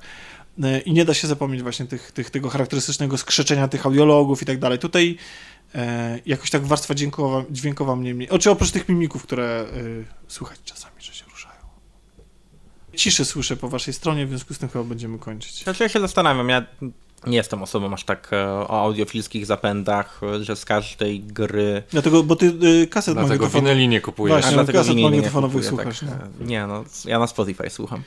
Eee, najgorzej. Jak wszyscy, najgorszy jak sort. wszyscy. Najgorszy sort. Już, już, do, już do, doszliśmy do prawdy. Nikt nie słucha winyli, tylko, ani z płyt CD, tylko wszyscy na Spotify kupują po to, żeby się snobować. Nawet jak kupują winyle, to i tak ich nie słuchają. Tak, dokładnie. Ale jak to ładnie y, ujął, już nie pamiętam kto tam napisał, że, y, że przynajmniej winyle mają duże ładne obrazki. Tak. No nie, no mi muzyka Przydaje też. się z wiekiem, masz coraz słabszy wzrok, więc duże obrazki się przydają. I też y, przez to, to co, na co ty zwróciłeś uwagę, winyle są super cienkie, więc łatwo je przechowywać. Poza tym wiesz, jak przeglądasz winile, to jest to taki fajny, ten taki jak pokazywali w amerykańskich filmach, że masz taki karton A, i no musisz tak. je tak przekładać jeden po jednym. Mój Jak ojciec to Kiedyś jest- dyskietki. Mój ojciec taki Tak, jak ma. dyskietki, Mój dokładnie. ojciec taki ma, przywiózł ze Stanów. Ale karton? tak, jest, znaczy, karton jest chyba polski. Ale, Ale- ale ty już kupił tutaj, tak? Ale nie, pł- płyty są właśnie z, ze Stanów i tam są, no za PRL-u to było coś, nie? E, więc tam są jakieś, nie wiem, Pink Floydzi, tak, e, Police, e, no mnóstwo takiej no, klasyki i to jest naprawdę, to jest, tak, to jest fajne, tak, to jest fajne. Ale, No, płyt, płyt tak nie ten, ale bo ja- płyty to masz, wiesz, napisane z boku, co jest i nie musisz przekładać. a, w ten żeby, sposób. Żeby przejrzeć. No, szkoda, że gry są wszystkie cyfrowe i też już nie będzie takiego przeglądania, nie? Będzie to samo, jak tam na, na, masz, wiesz, katalog w tym, w Steamie i lecisz po tych tytułach, to nie jest takie fajne. Chociaż na przykład półka w e, tym, w, Gogu. Gogu, muszę przyznać, Też lubię półkę w goku. że jest, jest w niej coś takiego, że, że to przez to, że to tam, tak sobie, bo ty kojarzysz te okładki z Tak. dzieciństwa. Tak. O, to nie są jakieś anonimowe. Ten. Swoją drogą, jak jesteśmy przy okładkach i grafice, ja wiem, że już dawno czas się nam skończył, a wy macie 20 km 5 dojść do domu. Jak mnie wkurza to, że nowy sezon, czy cokolwiek tam jest, czy cokolwiek tam jest, jakikolwiek podział na jakiekolwiek okresy w Fortnite ma taką zajebistą grafikę. Tak mnie szczują tą grafiką. To jest jakaś pani w okularach czerwonych, e, takich dużych, e, czy białych, no nieważne, białych albo czerwonych. Generalnie jest na tle i, i ona ma jakąś zadartą głowę i to jest tak cool, tak fajne, że ja po prostu, że chciałbym ale potem sobie przypominam, że to jest Fortnite, nie? Jestem tak wkurzony, że to jest, że ta gra dostała tak zajebistą grafikę e, typu tam ikona w sklepie, czy coś takiego, nie? Czy banner gdzieś tam. Nie widzieliście? Nie wiem, o czym mówisz. Widziałem, ale zupełnie nie zwróciłem uwagi. Widziałem, bo na Epiku grałem w Preya, tak? A, okej, E, więc wyświetliło mi się, po czym kliknąłem Prey i rozumiem. Czyli ja jestem może wiesz, jestem, ale- na, na okulary słoneczne, może jestem po prostu... To masz, to masz to samo co ja, gdzie uważam, że wszystko w League of Legends jest cudowne. Lore, animacje, cała otoczka, poza League of Legends. Tak, Tak. Nie no, ja po prostu zobaczyłem Fortnite, ok, next, tak? rozumiem. A ja właśnie nie wiedziałem, że to jest Fortnite, tylko najpierw zobaczyłem właśnie tą, tą grafikę i potem dopiero doczytałem, że to jest Fortnite i byłem zawiedziony. Tak, no tak, League of Legends jest cudowne, wszystko poza samą grą.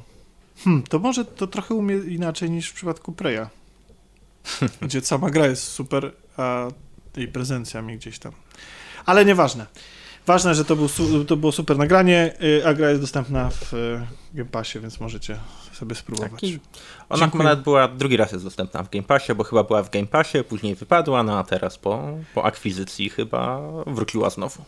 Po akwizycji. No Bethesdy. A, No to jest Bethesda przecież. a no tak, nie, no tak, oczywiście. Zenimax. Zenimax. Teraz to już Microsoft chyba, nie? Oni to kupili, BTD. Czy Nie, nie, znaczy on- nie wiem, czy już przeszedł Chyba już, deal, chyba. tak oficjalnie chyba jeszcze nie. Znaczy na, biz, na e, biznesie growym znamy. jeszcze No, gorzej się znamy jeszcze jak na grach, znamy. także e, skończmy tutaj. Może o innej akwizycji myślę już, tej Jasne. następnej. Jeśli nas wysłuchaliście do tej pory, to sami sobie jesteście winni. Mogliście się zorientować wcześniej, że nie mamy pojęcia, o czym mówimy. Dziękujemy wam bardzo serdecznie. Mam nadzieję, że następny odcinek kolaudacji albo dajcie to przejdzie ukaże się szybciej niż e, za pół roku. E, zwłaszcza, że mam dużo do opowiedzenia rzeczy ja i mam nadzieję, że chłopaki też i reszta też e, będzie gościła przed mikrofonem częściej. E, A e, wymądrzali się i popisywali geriatrią i demencją e, Grzesiek Grzeszewski, Dzięki. Marcin Machowski, Dzięki. a ja jestem Tomek Pieniak. Do usłyszenia następnym razem. Hej.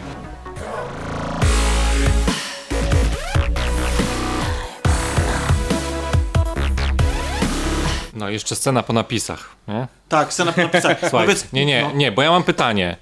E, co jest dobrym wyborem? Wysadzenie stacji czy nie wysadzenie? Tam jest trzeci bo, wybór. Bo ja miałem ten, bo ja miałem wybór. też te, ten problem, że moim zdaniem znaczy wysadzenie stacji nie, nie masz pewności, że, że te tyfony już i tak nie są dalej, tak? Tak. Tam to jest nawet chyba wprost powiedziane, że tam ktoś uciekł z tej stacji, Tak, więc te, te możesz- tyfony mogą więc pomagać tym ludziom samo uciekać. wysadzenie stacji nie ma jakiejś takiej wagi, tak? W sensie wiesz, Znaczy- że ono może nie pomóc. Zwłaszcza, że masz trzecie wyjście, w którym możesz zabić wszystkie tyfony, nie zabijając ludzi i możesz ich uratować i, i wszyscy są szczęśliwi. I ta trzecia droga Może jasno pokazuje, ale to jest, tylko to jest znowu bez sensu w kontekście samego zakończenia gry, że to stawia przed tobą, to powinien być taki wybór, jak na przykład jest w Deus Exie Mankind Divided, gdzie, jest, gdzie, gdzie jesteś w sytuacji, w której albo wsadzisz y, i y, do więzienia bardzo złych ludzi i tam obnażysz jakiś tam spisek i tak dalej, ale, ale kosztem tego, że zginie, zginie jakaś grupa ludzi. Rozumiesz? I teraz musisz obliczyć, czy ważniejsze dla ciebie jest ta, że każdy, że, nie że tamten spisek, okej, to może kiedyś indziej sobie, wiesz, ale teraz, teraz masz na talerzu ich i możesz wszystko, możesz uratować wszystkich ludzi, to- uratować, w sensie gdzieś tam zmienić jakieś ważne, ale kosztem życia konkretnych ludzi, czy chcesz uratować, to jest super wybór. A nie, że taki wybór, w którym, i, i oczywiście Deus Ex też to pieprzy, bo się okazuje, że jak jesteś super, super dobry i spostrzegawczy, to możesz wybrać trzecią drogę i zrobisz jedno i drugie. Czyli obnażysz yy, spisek. Spisek. i uratujesz ludzi i to jest, to A mnie z jednej i tak na dłuższą metę strony- nie ma znaczenia. to mnie z jednej strony mnie pocieszyło, bo przyjemnie było wybrać tą opcję, a z drugiej strony no, zawiodłem się trochę, bo to jest brak takiej właśnie konsekwencji. No, aby, bo ci przerwałem, Grzesiu. O tej trzeciej opcji. Nie, ja chciałem, e, chciałem tylko dodać, że może zastanawianie się, która opcja jest dobra. Właśnie czy wysadzenie jednej małej stacji, nie wiedząc tak naprawdę, czym tyfoni są, skąd przychodzą i co się będzie działo. Czy uruchomienie tego przekaźnika, który tam teoretycznie wyczyści tę, tę stację z tyfonów. Być może obie te opcje są żadna nie jest ani dobra, ani zła, bo w kontekście tej sceny po napisach nie mają sensu. Znaczy nie mają znaczenia. Nie mają tak? znaczenia, Dlatego, tak. dlatego też ta scena po napisach tak mnie na początku wkurzyła, tak? Bo, bo to dla mnie ważniejsze były te wybory na koniec Mhm. e, w tej symulacji niż to poza symulacją. Na pewno, na pewno dużym sukcesem tej gry, niezależnie od tego, od jakości, jest fakt, że rozmawiamy o niej e, dwie i pół godziny i że ona zmusza nas do tego, żeby rozmawiać o takich dylematach jak moralność i e, dobro i zło, co jest, wydaje mi się, no, sukcesem każdego dzieła, jeśli w jakiś sposób, więc e, nawet jeżeli nieumiejętnie i nie do końca. Zresztą, umówmy się, Bioshock też nie do końca tak naprawdę poradził sobie moim zdaniem z e, kwestią tego słynnego mm, Would You Kindly, tak? E, Nie dawała ci wyboru, Tak. tak? Musiałeś to robić i tak. Tak. Nie, to, to, to był ciekawy zabieg narracyjny Tak. tylko, tylko i wyłącznie, tak? Chociaż z drugiej strony jest, jest, jest absolutnie obłędna gra, która, którą wszyscy będą wam mówili, że tam się średnio strzela, że ona się źle zestarzała, jebać. Jak nie, kiedykolwiek będziecie mieli szansę zagrać w Spec Ops The ja to, Grzesiek ci parę podsunie takich gier, co mógłby mieć taki tytuł. I w każdym razie y, Spec Ops The Line.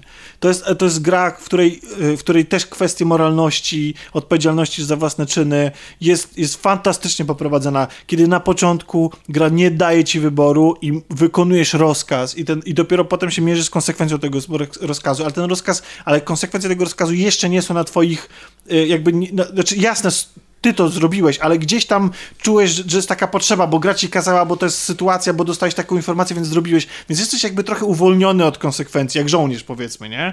Ale potem y, w ramach postępu, kiedy jesteś na tej wojnie, ta wojna, y, przysiąkasz tą wojną, agresją, przemocą i tak dalej i w pewnym momencie gra ci nawet nie mówi, że masz wybór, a i tak robisz złe rzeczy. I później się okazuje, że hej, wcale nie musiałem tego robić, bo, ale gra ci nie mówi, hej, wybierz to czy to. Nie, po prostu gra ci, gra ci pokazuje, że jakby instynktownie już jest, masz zwolnione hamulce. I to jest fantastyczna właśnie opowieść o moralności czy, czy, czy o To wojnie. powinno być włączone do kanonu lektur. Absolutnie. Znaczy Tak, jest tak bardzo jak- brutalna, tak, tak jak Tak jak mamy lekturę opcjonalną bodajże... This War of Mine.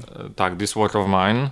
Powinno to tak, być też absolutnie. w kanonie. Jest, jest to fantastyczna interpretacja ym, jądra ciemności i, to jest, i to jest gra, która, która właśnie przez to, że, bo ludzie mają pretensje, że, że, że gra czasami od, o, odbiera ci wybór, ale właśnie ten początkowy brak wyboru właśnie idealnie się wpasuje w, tam w wojsko i w wojnę, tak? Ale potem te wybory należą do ciebie, ale, ale ty już jesteś już tak właśnie z, jakby sam się zapro, zaprogramowałeś, Wol, wojna cię zaprogramowała, że właściwie nawet nie rozważasz tego, że masz jakikolwiek wybór. To są super sytuacje, I też niesamowicie pra- y, polecam też po tym, po, jeśli chodzi o mm, rozprawkę i rozważanie na temat wolnej woli, właśnie moralności i tak dalej, The Red Strings Club. To jest gra, tam ostatni wybór, który musisz podjąć jest wielkiej wagi i tak, a jednocześnie tak bardzo osobisty, jak już się bardziej nie da i ja po prostu musiałem sobie zrobić przerwę, e, przespacerować się i zastanowić się. Tak bardzo byłem zaangażowany w całą historię i w to, jakie ona tematy porusza. Mega, mega, mega polecam. Prosta graficznie, ale niesamowicie klimatyczna, cyberpunkowa gra. E, Obermanie. To żeby... No, Skoro jest, też mówimy o grach z wyborami, może nie tak ciężkimi, ale jednak bardzo ciekawymi wyborami i dobrze się składa, bo właśnie O, właśnie. wchodzi na komórki. tak. Papers, Please. Tak, o, to jest fantastyczna gra. Właśnie o tym, że w, gr- w życiu, w grach łatwo być yy, tym dobrym, a w życiu jest trochę gorzej. Tak. I, i, bo, bo bo wybory nigdy nie są dobry, zły. Znaczy, są dobry, zły, jasne, w ocenie, ale Mhm. nie, nie są sobie tak. To, tak, absolutnie mega się jaram. Nie wiem faktem. jak będzie to rozwiązane na komórkach, ale wierzę, ten twórca wierzy, że nie wypuściłby tego na komórkach tylko po to, żeby zarobić, że udało mu się to tak rozwiązać, żeby to działało na komórkach, tak? Fantas- tak, tak. Yy, I tak, to jest super gra. Też, też totalnie powinna być absolutnie ob, yy, tym, w, lekturą obowiązkową, nie? Jakby mechanizmy działania systemu, ta niewola yy, i konsekwencje własnych wyborów, cudo, cudo. Jak czyli są yy, dobre gry, no. Ale nie mają craftingu i może dlatego się nie sprzedają. Dobra, kończymy to już tak na serio.